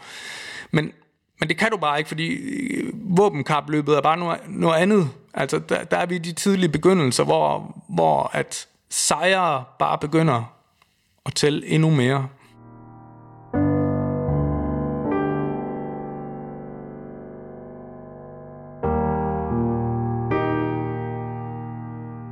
Krig internt i klubben. Ejerforholdene er helt af helvede til. Øhm, Liverpool er er få dage fra at blive sat under administration. Der kommer et ejerskifte, de nuværende ejere af FSG kommer ind. Øhm, der er Rafa for længst øh, blevet fyret. Man har ansat Roy Hodgson. Det tænker jeg ikke kommer som nogen overraskelse for dem, der lytter til det her. Det ender ikke, øh, det ender ikke lykkeligt. Men man kan sige efter, at øh, Benitez stopper, han stopper i 2010, der er der så store problemer på ejerfronten for Liverpool, fordi de er blevet købt af de her forfærdelige amerikanske ejere, som i virkeligheden ikke rigtig har de penge, som de siger, de har. Øh, så da Benitez øh, smutter der i 2010, der er det fordi, at øh, han kan ikke få de spillere, han gerne vil have. Og Benitez er også bare en svær, svær fyr. Både for spillere og for, og for øh, ejere opfra. Det kan man bare spørge om i Valencia, hvor han jo også brokkede sig konstant. Og øh, han bliver så afløst af Roy Hodgson, som vel er den mest katastrofale manager, der har været i Liverpool i de sidste 50 år. Øh, men han overtager også bare et falitbo, simpelthen Roy Hodgson, og en, og en klub, der er i så store problemer, at de på et tidspunkt ser ud som om, at de måske øh, kan, simpelthen kan gå bankerot. Liverpool. Liverpool har en gæld på et tidspunkt på, på tæt på 300 millioner pund. Det er voldsomt. Rigtig, rigtig voldsomt, selv for en stor klub. Øh, de bliver så solgt, og de nye ejere kommer ind, øh, ansætter Kenny Dalglish som træner. Og Kenny Dalglish øh, har nok lidt mistet touchet, må man nok bare sige. Og det siger jeg som en mand, der elsker ham mere, end jeg elsker min egen far. Men øh, han, han skaber en masse sammenhold, og, har, og alle de her spillere, de øh, kan se op til ham. De ved, hvor meget han har vundet. Ikke? Og bare det, at han er i omklædningsrummet, det er sådan set nok til, at man begynder at spille god fodbold igen køber også nogle dygtige spillere. Han køber blandt andet Luis Suarez, hvilket er en ting, der folk har glemt en lille smule. Men ryger også ud igen i 2015, ikke? Og, det, og han har heller ikke den højeste. Jeg tror, han vinder er det 47,30 procent vinderprocent, hvilket ikke er specielt højt. Så det, på det tidspunkt, der, de, de klarer sig nogenlunde. De spiller nogle store kampe, og der, der er nogle, der, topniveauet er fint under Douglas. Problemet er, at bundniveau, det, det er næsten uoverskueligt nogle gange. Det man skal forstå, det er, at også under Rafa og også under øh, Hulier, der, der er supportergruppen, den her forventede supportergruppe, den her tiltagende stigende supportergruppe, den er i krig med hinanden, og den er i krig med omverdenen, fordi at, at, at Liverpool står stille. De er ikke i nærheden af at være kontinuerlige mesterskabskandidater.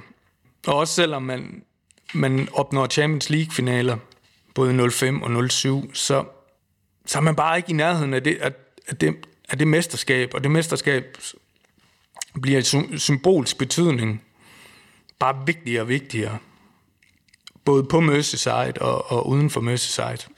Kenny får os i, øh, i to finaler, vinder den ene i Ligakoppen, vi taber øh, FA Cup-finalen. Og, og han blev fyret, fordi man, man i det forår nærmest ikke vinder nogen ligakampe overhovedet. Øh, Brendan Rodgers kommer ind, uprøvet manager. Året for inden har, har man solgt, eller det halvår for inden har man solgt øh, Fernando Torres til, til Chelsea for en rekordsum. Så hentede Luis Suarez ind, og det, så begynder vi at nærme os 13-14 sæsonen, hvor man, og de lyder bare så let købt det her, men, men stjernerne står rigtigt. konkurrenterne, Manchester United, Arsenal, Chelsea, er også i en, i en, i en af de, de genopbygningsfaser, de har brug for. Øhm, Manchester City er, er begyndt at røre på sig. Øh, så viljemæssigt, og, og man hiver det sidste blod ud af Steven Gerrard, som har en, en uanset om han så snubler mod Chelsea eller ej, har en fantastisk sæson. Raheem Sterling spiller et, et, et forår, som er fantastisk. Det samme gør øh, Daniel Sturridge. Jordan Henderson er, er, har mere betydning for det hold der, end, end, end, end han bliver husket for. Men det er Luis Suarez, der vil, der vil vinde det mesterskab, koste hvad det koste vil. Og da det så ikke sker, jamen så falder, så falder korthuset i, igen. Øh, fundamentet er ikke, er ikke bærende, og så kommer vi op til, til 2015, hvor Brendan Rodgers bliver fyret efter et øh, Merseyside derby på Goodison. Jeg var selv på Goodison den dag med, med Liverpool-tilhængerne en redderlig 1-1, som jeg husker det, Danny Ings, han scorer. Vi kommer tilbage på, til popperne i omkring Anfield. Øh, og man kan godt fornemme på snakken, at han er, bare, han, han, er, han, er, han er tiltagende upopulær. Og da det så kommer frem på Sky Sports, at, øh, at han er blevet fyret umiddelbart efter, en halv time efter, tror jeg, så udbryder der jubel øh, på popperne, og det, det, det er virkelig mærkeligt, men altså sådan virkelig jubel.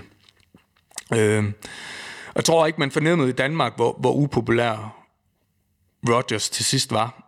Og det gik meget på hans personlighed, og det, og det, skal, jeg, det skal jeg ikke gøre mig til dommer om over, at det var fortjent eller ej, men, men, men der var noget ved Rogers og den måde, han kommunikerede på, som, som, som hvad vil sige, de lokale på den pop, jeg var på, der fandt hammerne utroværdigt.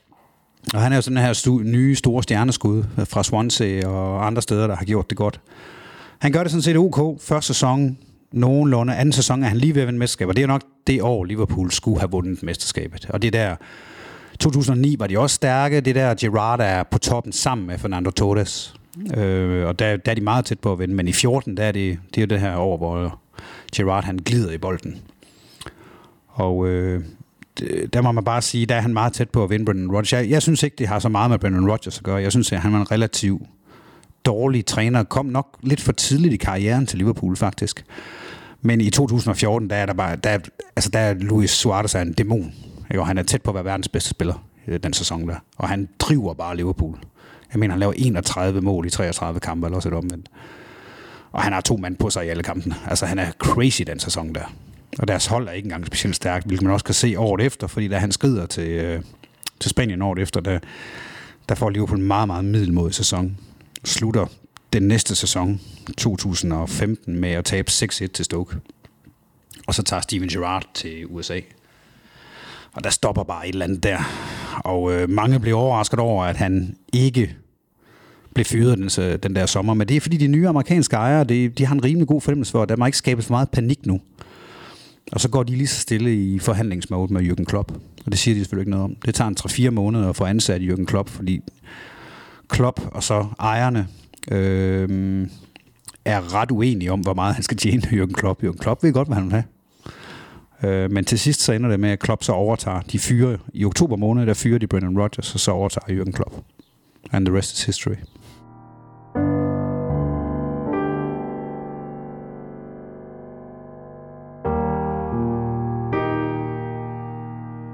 Det hold, som Klopp øh, overtog i, i oktober 2015, det var et hold, der var tæt på kaos. Øh, det var i bedste fald et middelmodigt hold, i hvert fald i min verden. James Milner, Adam Lallana, Divock Origi, det var de tre eneste nuværende spillere i Klopps første startopstilling mod, mod Tottenham i øh, oktober måned 2015. Og de er alle tre i dag betragtende som, som værende ikke-stamspillere. Så øh, det, det siger meget om den udvikling, der har været lige siden. Øh, og og, og derfor var det i min verden et hold, der var forholdsvis kaotisk, som han kom ind og overtog. Altså, da, da Klopp overtog i, i 2015, der har Liverpool ikke noget særligt godt hold. Øh, det, er, det er noget ringere end det, Benitez sådan set overtager øh, i sin tid. Og det er jo blandt andet, fordi vi har haft de her ejere i Liverpool, som, som ikke har købt i et stykke tid, men til gengæld har solgt. Øh, han, har dog, øh, han har dog nogle stykker, og, og der er jo en meget interessant ting ved det her med, at Brendan Rodgers køber jo på en måde, eller Firmino kommer i hvert fald til Liverpool for 300 millioner den sommer, hvor Brendan Rodgers egentlig skulle være fyret, kan man sige. Men han bliver så ikke brugt af Brendan Rodgers. Fordi samtidig med, der køber han Benteke, Brendan Rodgers. Og han, ham køber han for over 30 millioner pund. Og Benteke bliver en fiasko, men, ham, men det er ham, Brendan Rodgers bruger. Han bruger ikke Firmino, han spiller slet ikke for ham. Han kommer ind i nogle enkelte kampe, og han, han, har, altså kostet, han har også kostet 30 millioner pund. Så der var, der var jo med god grund folk, der sådan spurgte, hvorfor er den her mand købt? Hvorfor har man købt en spiller i, i Bundesligaen, som ingen kender? Som ikke er noget specielt. Hvad er han? Er han midtbanespiller? Er han vinge? Er han nier? Er han tier? Han laver ikke specielt mange mål. Altså, han arbejder stenhårdt, det kan man tydeligt se, men, men hvad er det for en spiller? Hvorfor er der brugt 30 millioner pund på ham, og hvorfor spiller han ikke fodbold? Men det finder man så lidt ud af, fordi da Klopp så kommer i oktober måned der, så er der lige pludselig mening i galskaben. Ikke? Og Firmino er jo med 95% sandsynlighed blevet købt af ejerne, fordi Klopp lige har nævnt for dem. Hvis I nu køber ham der, så kan det godt være, at jeg siger ja til jer. Fordi Klopp havde tilbud fra hele verden. Og Liverpool lige, det var ikke noget hold, der, der, der, der lokkede specielt meget, hvis du så på, hvad du kunne vinde med det hold. Men, øh, men da de så køber Firmino, og de køber ham for 30 millioner pund, så er det også en form for tillidserklæring til, til ham, at prøv at høre, at vi lytter til dig. Vi vil have dig. Nu køber vi en spiller til 30 millioner pund, som vores førsteårstræner ikke engang vil bruge. Men du siger, at han er god. Og det har vist sig at være fabelagtigt. Firmino har jo været jamen, måske Liverpools vigtigste spiller de sidste fem år. Og det var jo fordi Klopp kunne finde ud af at bruge ham. For så snart Klopp han blev træner, så spillede Firmino. Det må man sige. Men altså det der med at hente Klopp, er jo det største, FSG har gjort. Det, er jo, det var jo en top, top træner, det her. Ikke? En, en klub, som United havde prøvet at hente flere gange, også et par år før, som skulle have været afløser for Ferguson, og da det så heller ikke kører med, med hans afløser, og de næste to, der har de prøvet Klopp igen, og Klopp var, han var ikke tæt på United, men han, han har talt med United. Så det er, det er fantastisk at hente ham, men det er også en, en rigtig udfordring for Klopp, fordi Klopp gjorde jo egentlig det samme i Dortmund. Da han kom til Dortmund i sin tid, der var Dortmund også en klub, der var i stor krise. Også økonomisk krise, faktisk. Og så rejste han Dortmund øh, og gjorde dem store og vandt to mesterskaber med dem. Øh, så det er også det, han har set i Liverpool. Og så tror jeg godt, han kan lide det der arbejde og noget også, fordi Klopp er også selv... Man kan høre, når Klopp han udtaler, at han siger ting, ikke? han er venstreorienteret. Altså, han er socialist. Øh, og øh, han, han kan godt lide den her arbejderby. Han kan godt lide, at det er en arbejderklub. Han kan godt lide, at han skal trække den op, kan man sige, fra, øh, fra, fra en slump, og så genopleve hele den her gamle, gamle klub. Ikke? Og det må man godt sige, han har, han har gjort rimelig pænt. Den sidste kamp i sæsonen, den foregående sæson, Liverpool taber 6-1 eller 7-1 i Stoke. Og den, den kamp, den, den har jeg bare stadigvæk foran mig. Øh, en af mine gode venner, Jens, er, han skal på arbejde, så jeg skal sådan hele tiden, jeg skal sørge for at holde ham orienteret, og han, jeg, jeg kan mærke på hans beskeder, han, han bliver mere og mere sådan vantro. Jamen, sker det her? Og siger, jamen, det sker. Jamen, det er jo Jarrods sidste kamp. Ja, men det sker. Altså, øh, og jeg har faktisk gemt de beskeder, og det er sådan, sådan en stigende desperation og, og håbløshed og kaste en håndklæde i ringen. Øh, og, og vi slutter begge to af vores, vores beskedudveksling med, jamen han, han, altså, han bliver fyret, altså han bliver fyret, han, han skal fyres fem minutter efter kampen, det, det, det, det kan man ikke uanset, altså man kan ikke, man kan ikke fortsætte med en træner, der, der taber 6-7-1 i Stoke. Vi, vi er Liverpool FC, og vi, altså, der, der skal være et minimum af, af forventninger øh, og, og, og målsætninger, og det, det er i hvert fald ikke at få, få en ydmygelse i Stoke. Øh, og da Klopp han kommer ind, og jeg, jeg kan stadigvæk huske, jeg kan stadigvæk huske, at øh, da rygterne de kommer til, der kan man, der sidder nogle Liverpool-fans og tracker det fly, Klopp han er med, og hvornår det lander i, i John, John Lennon Airport, øhm, og de finder ud af, aften før han bliver præsenteret, der, der, der er han ude at få en øl for første og sidste gang i, i Liverpool midt bly, og bliver simpelthen jo kontinuerligt forstyrret. Og jeg tror fornemmelsen er, eller jeg kan i hvert fald huske min egen fornemmelse er, hvis, hvis ham her, som set udefra er skræddersyet til at tage den her følelsesmæssige, ustabile klub, og Liverpool er virkelig en følelsesmæssig både by og klub, øh, men den, den er særdeles ustabil, og faktisk er den dysfunktionel på det her tidspunkt, og meget de, desillusioneret, så er der ingen, der kan. Altså, så, altså, så, så ved jeg ikke, så er vi for evigt dømt til at bære det her middelmodigheds, den her middelmodighedskappe, som vi har iført os i, i hen ved på daværende tidspunkt øh, to, to årtier og, og, og lidt mere til. Og, og jeg tror måske, fordi Klopp han er den person, han er, så, øh, så kan man jo allerede se, den før, jeg husker den første kamp, de skal spille efter han er kommet til, det mod Tottenham. Jeg har sådan et billede af Adam Lallana, der, der falder, da han bliver skiftet ud, falder Klopp om, om armen. Han er simpelthen så udmattet, at han nærmest skal have hjælp til at, at gå hen øh, og sætte sig ned. Og det var bare det, man havde manglet. Det var bare, bare nogen, der ville, der ville løbe for den her klub, og, og synes, den her klub den var så, så vigtig, som alle os andre gik og troede, at man var villig til at give alt, hvad man overhovedet havde. Og det var det, det, var det han lovede. Og, og så er der den der famous, eller berømte, I'll make doubters, eller make doubters into believers. Og det, og det er jo klart her retrospektivt, hvor man har vundet nærmest alt, hvad der er værd at vinde, kan sige, at men det var bare godt set, men, men han siger faktisk også, at det vil blive hårdt. Han siger også, at han ikke, han ikke kan lave mirakler, og det, det, gør, det gør han jo ikke, men man skal jo ikke tage fra ham i, at, at det første halvår, han er der, der får han alligevel Liverpool i, i to finaler. Øh, i, i Ligakoppen, som de taber på straffe til Manchester City, og så i Europa League-finalen, som de så er foran med pausen, men jo så lader sig falde sammen. Men, øh, men det i sig selv er jo er i hvert fald lidt af en bedrift, og, og derved går det så. Øh, jeg tror, jeg kunne sidde her og så resten af dagen og snakke om, hvor meget Jürgen Klopp han har betydet for, for Liverpool Football Club, og ikke mindst den måde, jeg ser ledelse på. Han er fuldstændig bevidst om, hvad han er sat i verden at gøre som Liverpool-manager. Han vil for en hver pris. Og jeg tror faktisk, det er gået lidt hen over hovedet på folk, hvor dårlig en taber han er. Han er helt enormt dårlig til at tabe. Og det, det har man set flere eksempler på, men men han er også helt enormt god til at lægge det bag sig, når han først har, har fået, det, fået det bearbejdet.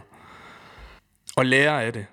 Han er, han er så vil nogen påpege, har haft mange, haft mange, haft mange finaler, hvor han kunne, og finalen nederlag, hvor, han, hvor, han, hvor det var bydende nødvendigt, at han lærte af det. Men det har han vist sig i stand til.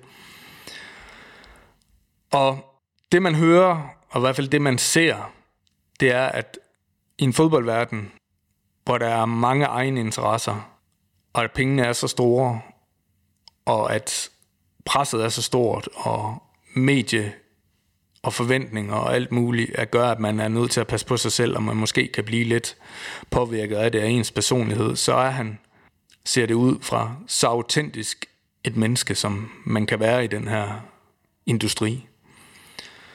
Og så passer hans menneskelige syn og politiske overbevisning som fod i hose på den by, Liverpool er.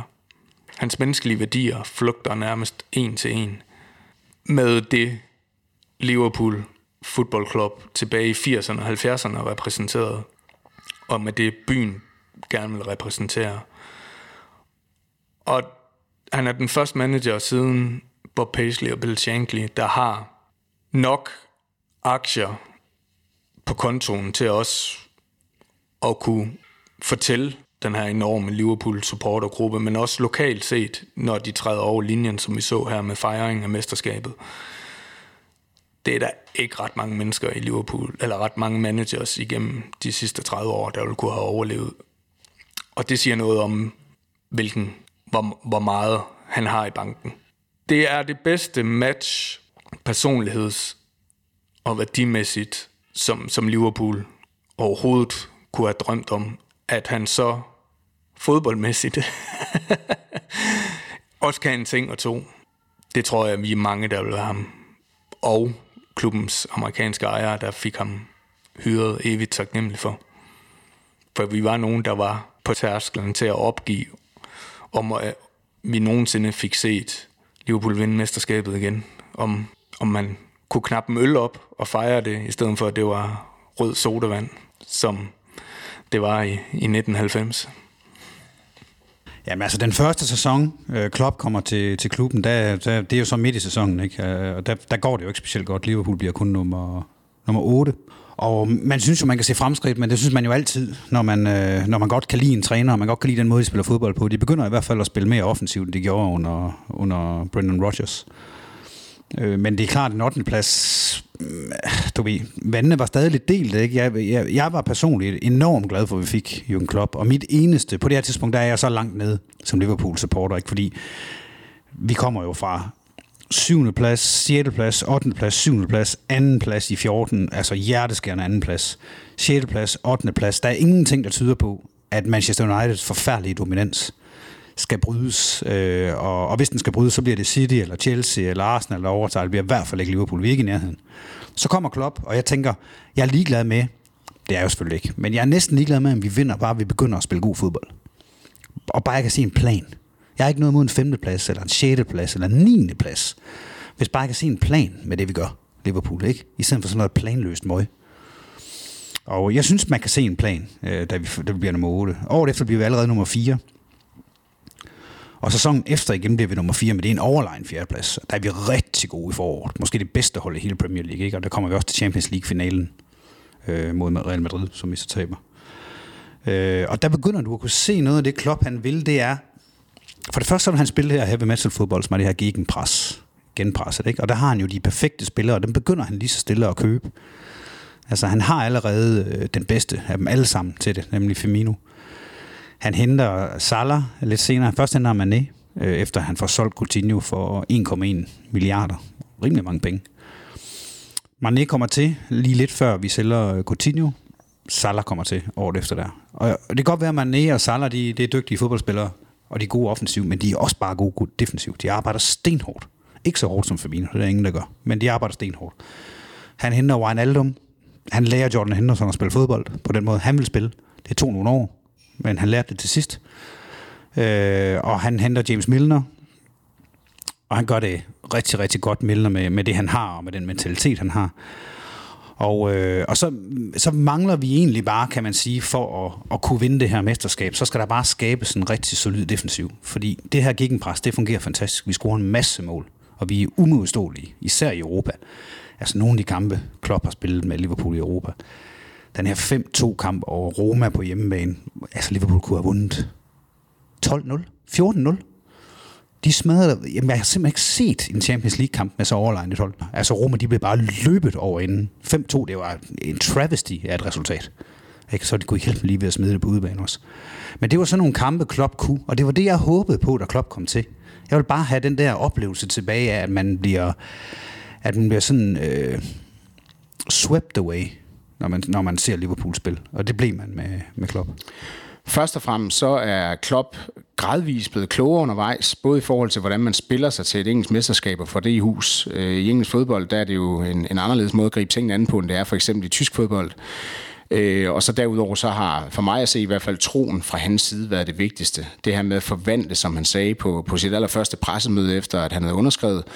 Øh, det her med at gå fra doubters to believers, øh, det er noget, han har han har sat ind i hovedet på, på alle øh, i omkring klubben, at, at det er rent faktisk muligt. Og, og det må man jo sige, at han i høj grad har formået øh, over de sidste fire og et halvt år. Alle elsker jo Liverpool, øh, især på grund af Jürgen Klopp altså alle, der så ikke i forvejen hedder Liverpool, må jeg hellere skynde mig at sige, men, men selv dem, der gør, øh, ser jeg rent faktisk til hatten af for det her mesterskab og den her progression, som Liverpool har været inde i de sidste 3, 4, 5 år.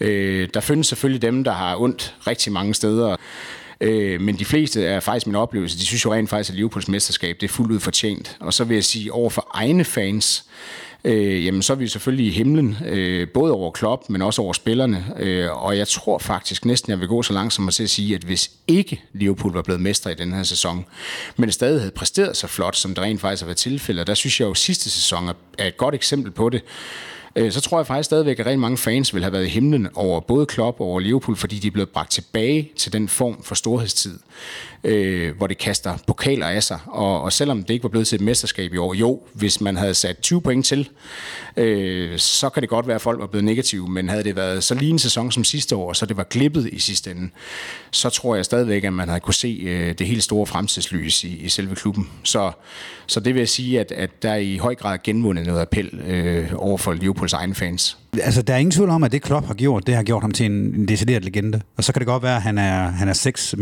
mesterskaber efter Dalglish, eller øh, ah, fire, tre, fire stykker, men Dalglish har så også vundet en hel masse som spiller. Øh, men, men, øh, og, og, han er heller ikke så stor en legende, som Ken Dalglish er. Men, men det der med at gøre Liverpool til det bedste hold i verden, altså over to sæsoner nærmest, ikke? eller i hvert fald halvanden sæson. Man kan sige, den der sæson, hvor de, øh, hvor de laver 97 point, men taber med et point til City, ikke? der er de jo der er de måske verdens næstbedste hold efter Manchester City. Sæsonen efter er de så, der tager de så skridtet op og bliver det bedste hold i verden. Og de vinder, og de har også vundet Champions League. Ikke? De har været to Champions League-finaler i træk, hvilket ikke ret mange hold gør. Og så vinder de øh, verdensmesterskab for klubhold, samtidig med, at de holder en december, hvor de nærmest får maksimum point. At den der december i 2019 var fuldkommen utrolig. Ikke? Jeg går to mål ind ved dem i ni kampe, eller sådan noget åndssvagt. Øh, og de vinder VM i Brasilien og rejser frem og tilbage, og vinder bare alle deres kampe i, i England også. Og der ved man så, da de slår Leicester i den der kamp, der ved man, det er overstået. Ikke? Så jeg, jo, jeg, ser, jeg tænker, at Klopp bliver en rigtig stor legende, men jeg tænker da også, at han måske kan vinde et par titler eller tre mere, mens han er her i, i Liverpool. Alt afhængig af, hvor længe han har tænkt sig at være. Hvis han tager 10 år mere, så tror jeg da godt, at han kan vinde fem titler mere. Måske. Det kan også godt være, at det kun er tre. Men det hold, der er lige nu for Liverpool, det er godt nok stærkt. Og de, de er selvfølgelig ikke helt unge, men de er heller ikke gamle overhovedet. De er bare pigalder. De er 28, ikke? De vigtige spillere, de er cirka 28. Og det er, det er jo ikke gammelt overhovedet. Så øh, jeg, jeg ser ham som... Øh, han, han er stor, og han bliver stor i Liverpools historie, det er slet ingen tvivl om. Fordi det her med, at han, han stopper 30 års, 30 års nedtur, det, det er rigtig stort. Han øh, har været nøglen, og den aller, aller mest afgørende nøgle i det her mesterskab. Øh, han har fået låst alle de her døre op, der nu skulle låses op. Øh, han har på alle fronter bidraget betydeligt til den her store genrejsning eller oprejsning af, af et Liverpool-hold, der var forholdsvis kaotisk, før han kom til. Så, så han er manden bag, han er primus motor bag øh, det her mesterskab. Ingen tvivl om det. Selvfølgelig med en masse hjælp fra, fra assistenter i sit trænerteam, analytikere, øh, klubben i det hele taget, ledelsen øh, osv., men, men det er Klopp, der er primus motoren på den. Det er lige før, man forventer, at han tager en kappe på og flyver og sådan nogle ting, men, men, men Klopp har også begået nogle meget store fejl i Liverpool, fordi han skulle med al respekt for, for mig, og især Dortmund, ikke, så det er jo Dortmund er en pæn stor klub, men det er bare slet, slet ikke lige så stor en klub som Liverpool. Og, og han har altså begået nogle fejl med nogle af de spillerindkøb, han har lavet, og nogle af de spillere, han har stolet på gennem tiderne. Og du, du kan også godt se, hvordan han lærer sine fejl. Han vil jo aldrig gå ud og sige det offentligt. Men det, synes jeg faktisk er en stor øh, kvalitet ved Klopp, det er, at han, øh, han evaluerer også sine ting. Og hvis du ser sådan en som Karius, som han henter i 2016, målmanden Karius, ikke, som han henter for næsten ingen penge, øh, 50 millioner eller sådan noget, ung, meget talentfuld ty, øh, tysk målmand, som er lidt i det her nøjer, måske også til at stikken øh, type målmand. Ikke? Høj og slank og god med fødderne, og meget sådan progressiv målmand, hvis man næsten kan tale rent politisk om, hvordan målmand de skal være. Øhm, og ham, ham, ham køber han billigt, og, og det kan han godt lide, Klopp. Han kan godt lide at finde sine egne talenter og købe dem billigt. Øh, men, men eftertiden har også vist, at han købte for billigt her. Fordi Karius blev ikke god. Han, han blev ikke god på noget tidspunkt. Han var der i et par sæsoner, hvor han var hvor han konkurrerede lidt med Minolet. Og da Minolet så har en rigtig, rigtig dårlig sæson i efteråret 18, så kommer Kajos ind, og foråret 18, der bliver han fastmand. Og så er det faktisk Kajos, der, slår, der står næsten alle de kampe i det forår, hvor Liverpool spiller et rigtig flot forår, og bliver nummer 4, og kommer til Champions League-finalen og spiller mod Real Madrid. Og det er ikke fordi Karius står specielt godt. Han står lidt bedre end Minolet, men, men det siger heller ikke meget, fordi Minolet er, er helt væk der i halvåret før det. Og så den her finale er jo en katastrofe, ikke? fordi jeg så finalen igen for ikke så lang tid siden mod Real Madrid, hvor Liverpool taber 3-1. Det er bare ham. Det er bare Karius. Det er ham, der, går, der, der, der er forskellen på de to hold. Det er en målmand, der bare giver to mål væk. Han var aldrig en Champions League målmand, ham der. Det var, det var den dårligste målmand, jeg, jeg tror, der nogensinde har været i en Champions League finale. Og han blev Klopp ved med at tro på. Det var en stor, stor fejl, Klopp har lavet der. Og han tabte en Champions League på det. Måske tabte han også placeringer i ligaen på ikke at have en god målmand. Og jeg vil bare sige, han lærte sin fejl, fordi nu er han begyndt, begyndt at købe de spillere, han vil have, og så betaler han det, de koster. Fordi du taler om, at du vil lave verdens bedste fodboldhold, eller et af de bedste hold i hele verden. Der er bare ikke de der øh, billige, billige handler der til nøglepositioner. Det får du ikke på det niveau der. Og det har han lært, ikke? Han køber Allison til næsten 700 millioner, verdens dyreste målmand nogensinde.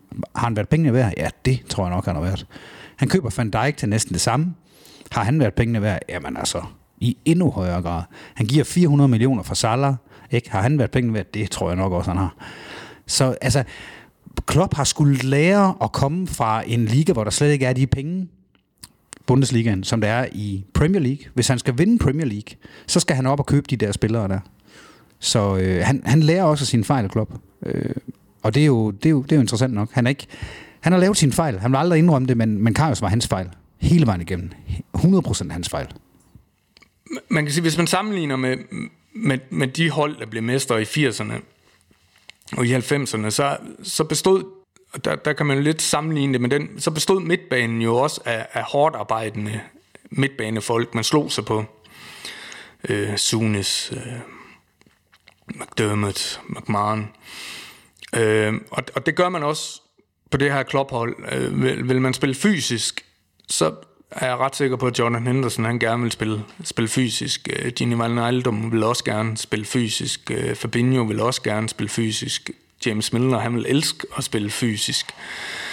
Og samtidig havde du også op foran nogle, nogle offensive og nogle kreative kræfter, der, der kunne spille fodbold. Øh, for eksempel synes jeg, John Barnes er helt enormt undervurderet. Han, lige der, da jeg, da jeg begynder virkelig at få bevidsthed om fodbold, var, var jo en, en fryd at se på, hvad han kunne. Altså en, en nu var han så, nu var han jo så også oprindeligt fra Jamaica, men virkelig en, en, en på, på daværende tidspunkt en ubritisk spiller med den teknik og finesse, han havde, og blik for spillet. Øh, og det har man jo også offensivt. Og, og defensivt kan man jo sige, har, har Liverpool ikke haft en mere stabil defensiv siden, altså øh, Virgil van Dijk kom til. Øh, og det havde man også dengang i, i Allan Hansen og, og Mark, Mark Lawrence. Så der er masser af paralleller at, at, at drage. Der, hvor, hvor, hvor man kan sige tilbage i 70'erne og 80'erne, var, var, der var der ikke så mange penge i, i fodbold dengang, så, så der afspejlede spilleren jo jo nok i højere grad de folk, der var på lægterne. Siden da, der har der været mange fodboldspillere igennem Liverpool, som menneskeligt og personligt, jeg har haft svært ved at tage ind.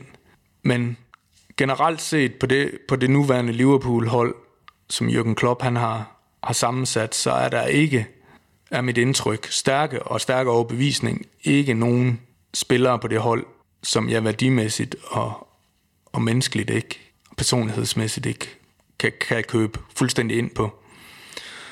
Hvilket jeg også tror er nogle af de parametre, som, som Klopp køber, køber ind efter. Så der er et hold, man igen, både spillemæssigt, fodboldmæssigt og menneskeligt, kan være helt enormt stolt af, og det, er, det betyder faktisk mere for mig, end jeg var bevidst om. Og det gør, at man, man all around kan, være, kan holde hovedet højt og være op rigtig stolt for det her, de spillere og den klub og den manager har lavet igennem de sidste to-tre år. Klopp har ikke kun lært på spillersiden, og det er ikke bare det her med, at han har købt dyre og dygtigere fodboldspillere. Han har også lært øh, rent taktisk, øh, at noget af det der heavy metal fodbold, som var sådan noget rollercoaster fodbold, som han spillede de første to, to og en halv, måske tre sæsoner i Liverpool, det tror jeg, han på et tidspunkt fandt ud af, at det kommer ikke, det kommer ikke til at vinde mesterskaberne her, fordi det er for meget. Man kan ikke spille 90 minutter på den måde. Man får, for, man får nogle nedture, der er for voldsomme. For eksempel så kan man jo tage, dengang de kom i finalen øh, mod, mod Sevilla øh, i Europa, ikke? Der, der laver Sevilla lige pludselig, fordi Liverpool har en ekstrem svag periode, så laver Liverpool, øh, så laver Sevilla tre mål på kvarter eller sådan noget. De kunne nærmest lave fem mål på det kvarter. Fordi at fordi Liverpool havde spillet så voldsomt og brugt så mange kræfter i en bestemt periode, hvor de så også er totalt overlegne, så kommer der perioder, hvor de, øh, hvor de bare er ekstremt svage, fordi de skal simpelthen trække luft ind. Og hvis du har et dygtigt nok forsvar, og, og sådan nogle hold, altså dygtige, store europæiske hold, kan godt stå imod sådan et pres i et stykke tid. Måske kan de endda stå imod, at der kun går et mål ind. Det er ikke engang særlig meget i forhold til, hvor, hvor meget de er domineret af Liverpool i de der perioder nogle gange. Og, øh, og så kan de bare vente. Og så til sidst, så bliver Liverpool trætte. Så bliver spillerne trætte, og så, så er det som om, man ikke rigtig kan finde det her lidt kontrollerende noget. Men det må man bare sige, Liverpool i de sidste to sæsoner især, ikke? de har spillet to fremragende sæsoner under Klopp. Der har de fundet det der med, at de godt kan... Liverpool kan i nogle kampe, der spiller de jo ikke specielt dominerende og flot og, og sætter sig ikke bare på modstanderne. Der, der er de faktisk ret kyniske det allerbedste eksempel, det er den der finale mod, mod Tottenham i Champions League. Ikke? Det er den mest elendige fodboldkamp. Dødkedelig. Liverpool kommer foran efter 5 minutter, 1-0, og så kontrollerer de bare den kamp. Fandme som at se Juventus i 80'erne, det der. Ikke? Dødkedeligt var det. Ganske enkelt.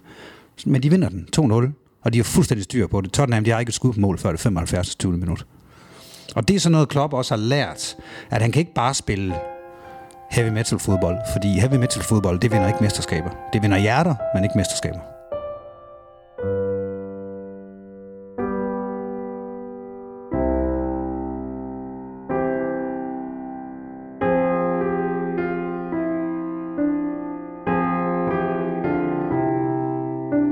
Altså, jeg siger jo ja. Altså, byg den mand en statue. Han siger selvfølgelig selv nej, så ydmyger han. Øh, og så kan det godt være, at han en dag alligevel synes, at det er en skide god idé, når han ikke er der længere. Øh, stod det til mig, så byggede jeg gerne. Til gengæld har vi, øh, har vi i min lille privat øh, bolig fået en hund, som vi har dygt øh, Jørgen, fordi det er, det, det er simpelthen så stor en, en betydning, har han allerede fået for mig. Så, så vores øh, bosniske gadehund, øh, som vi har fået herop til landet, han hedder Jørgen, øh, og det er simpelthen 100% efter Jørgen Klopp.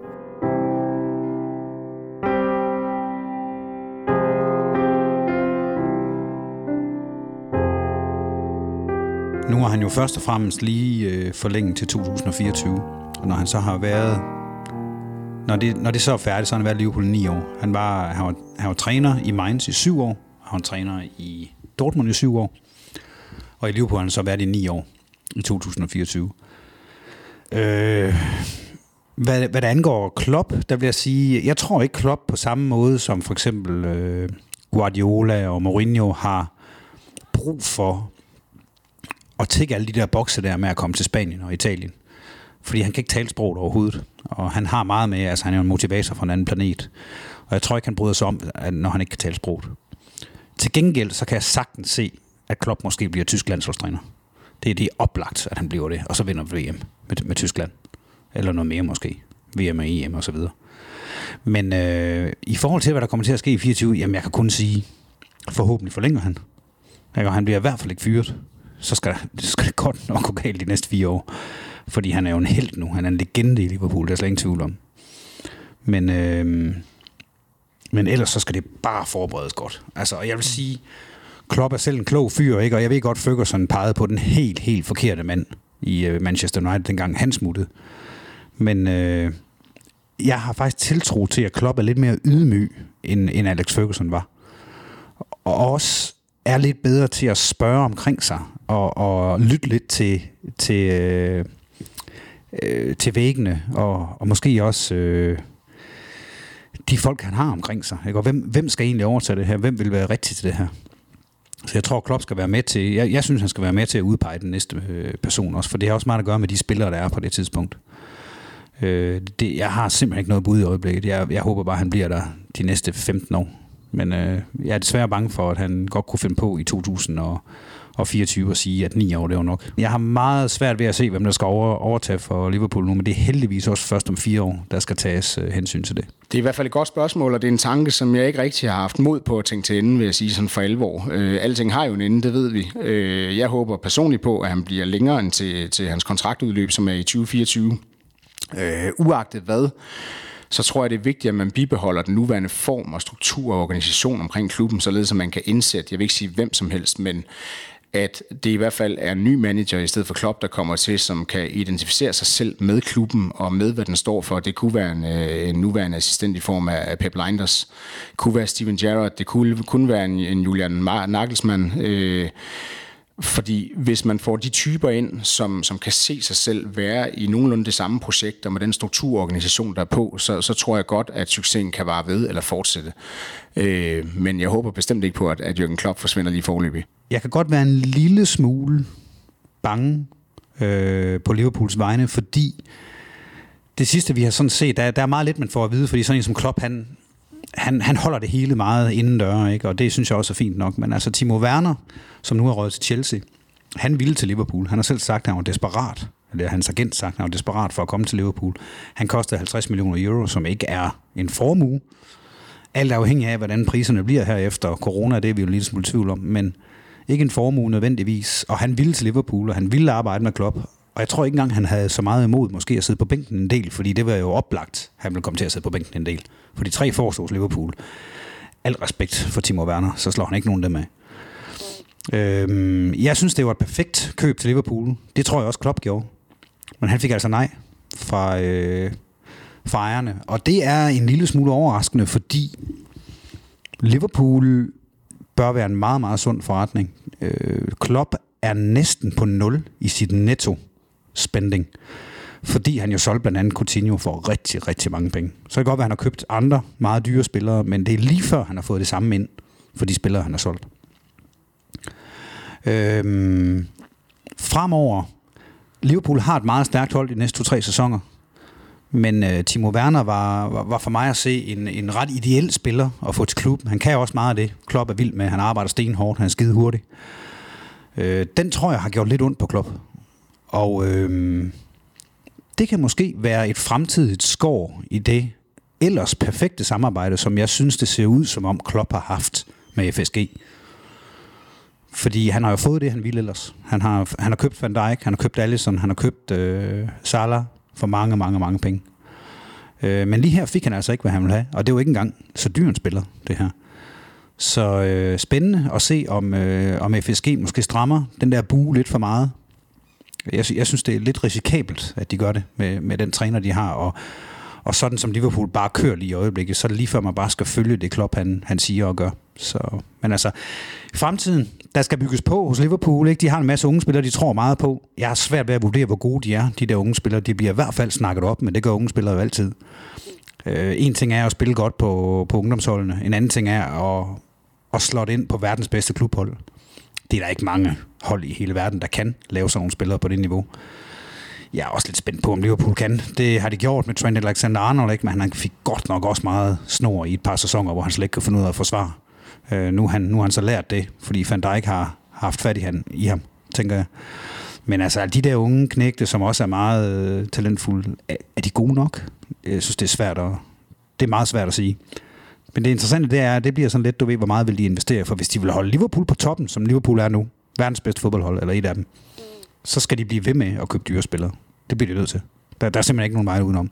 Ellers så bliver det sådan nogle karioser. Og så vil der komme rigtig grimme fodboldår for Liverpool. Premier League er så pengestærk også, og man skal også udnytte, at, at Man United er nede i en, øh, i en historisk krise i øjeblikket. Og hvor længe er de det? De er allerede begyndt at vende skuden, United ikke, og de har masser af penge og en stor tradition også. Det United er det andet store hold i England, med al respekt for City og Arsenal og sådan noget der. Så er det United og Liverpool, der, der er the big boys i engelsk fodbold. Og så længe de er nede i den her, altså man, man må sige, United, de udnyttede godt nok Liverpools 30-årige krise rimelig godt. Ikke? De vandt 13 mesterskaber i den tid. Og det gør stadig virkelig ondt i Liverpool, at de vandt så mange. Og hver eneste sæson Liverpool missede, ikke? så kigger man på United, så vandt de. Blev nummer to, eller et, to eller tre hele tiden. Ikke? Og den har gjort ondt. Men øh, det skal udnyttes, så jeg vil også sige, at Liverpool skal vinde to-tre mesterskaber nu med det superhold, de har. Og så er det næsten ikke til at sige, hvad der sker derefter. Altså. Jamen altså fremtiden for mig øh, i forhold til Liverpool, den ser, altså, den ser stadigvæk både på den korte, men også på den lange bane enormt lys ud. Øh, de absolut vigtigste spillere, de er, de er tegnet på kontrakt forlængelser frem til minimum 2023, og nogen i længere tid end det det giver stadigvæk, i hvert fald på den gode side af tre år, øh, til at bygge på øh, og ovenpå i forhold til, til den nuværende tro på de stjernespillere, man ligesom har. Øh, og der kan hele tiden laves den her øh, fortsatte progression omkring holdet og tilføres ny energi udefra. Og for at gå efter flere trofæer og for at fortsætte at bygge på, jamen, så kræver det, at stabiliteten selvfølgelig fortsættes. Det, det er ret logisk. Øh, så der kan komme mere sølvtøj i pokalskabet. Øh, og største succesmål for mig, det må være at gentage mesterskabet. Altså simpelthen få et nyt mesterskab. En ting er at gøre det en gang. Øh, noget andet er at gøre det flere gange. Der er det først, øh, for mig i hvert fald, der klassen for alvor vises, det er, når samme manager, stort set samme hold, er, er i stand til at gentage det, så det ikke ender i sådan en, et døgnflue-prædikat. Øh, og det tror jeg på, at, at det skal Liverpool nok klare. Øh, hvis ikke næste sæson, så måske næste eller næste igen. Så er vi lidt tilbage ved, hvad jeg har sagt i 30 år, men næste år. Men, øh, men, jeg, men, jeg, men jeg synes, der er en kæmpe forskel øh, på, på dengang og så nu forstået på den måde, at lige nu der er klassen til det, øh, og intet ser ud til at skulle gå i en anden retning. Jamen, en pessimist, den bliver aldrig skuffet, ikke? Og jeg har 30 års, ah, 29, 30 års erfaring i at konstant at være pessimist. Så den er, rigtig, den er ret svær at lægge, lægge fra sig. Jeg ser jo med, med stigende bekymring på det, øh, Manchester United har gang i lige i øjeblikket. Med et ung kul spillere. Jeg ser også med, med stigende bekymring på det, Chelsea har gang i. Øh, de har brugt deres, de penge, de sparede på transferbanen, og, og øh, de penge, de fik ind for Hazard, set udefra rigtig fornuftigt. Men der er i hvert fald et øh, potentiale. Så er det Manchester City med de, øh, med de ressourcer og den manager, de har til rådighed. Det, øh, og der vil være noget agerighed. Øh, det kan godt være, at Klopp han er en dårlig taber. Jeg tror, at Guardiola han tager et hvert nederlag, en hver pokal, han ikke får fingrene i som en personlig fornærmelse. Så øh,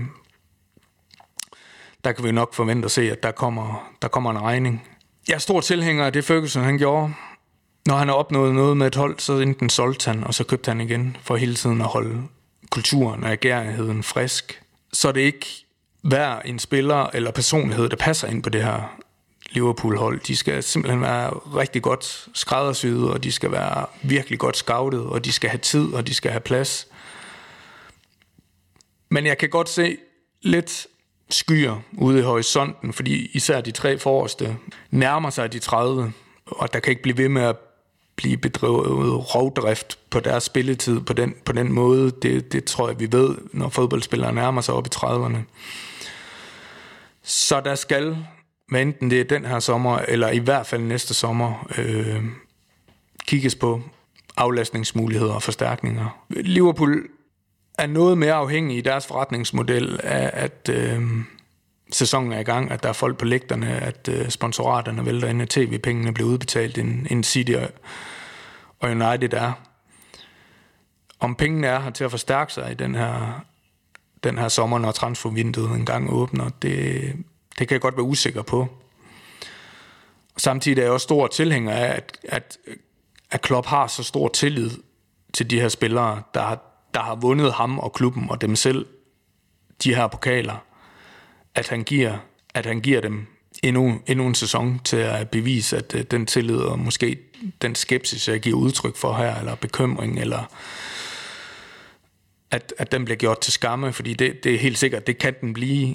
Øh, men, men mine forventninger til næste sæson, det er, at vi, vi vinder en pokal, og det skal være en betydende pokal, hvad enten det så er mesterskabet eller Champions League og til nød FA-koppen. Fordi det er, det er kvaliteten til, og det er, øh, det er grundstenene lagt til. Men samtidig skal der tilføres, der skal bygges på, der skal bygges på til fremtiden. Øh, og jeg var forbandet ærgerlig over, at øh, Timo Werner ikke han iførte sig øh, den blå Chelsea-dragt, en, en, en, en, en dragten, men, men har også fuld forståelse for, et, hvad, hvad Timo Werner han, han vil og skal med sin karriere, og også at Liverpool ikke går ud og bruger penge, de ikke har. Og det, det i en fodboldverden, hvor der tit og ofte bliver brugt rigtig mange penge, man ikke har, der, der kan jeg også godt hylde det princip og finder det fornuftigt, fordi holdet er til at klare en til to sæsoner mere. Hvad der skal ske, når Jürgen Klopp, han forhåbentlig ikke, men, men man har sagt i 2024, nu er det, nu er det slut. Det tør jeg ikke tænke på. Men det håber jeg, at der er nogen i klubben, som får løn for at tænke på.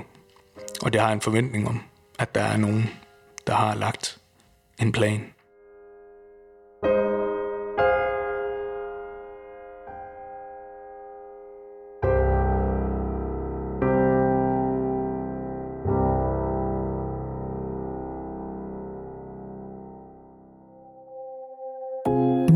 Til en podcast fra Mediano-magasinet. Det er kanalen for det mest unikke indhold fra Mediano. Partner på alle udsendelser i denne kanal er Arbejdernes Landsbank. På Mediano ønsker vi at lave kvalitetsindhold, som er gratis for vores lyttere. Det er vores model, og det kan kun lade sig gøre, fordi vi er partnere som Arbejdernes Landsbank.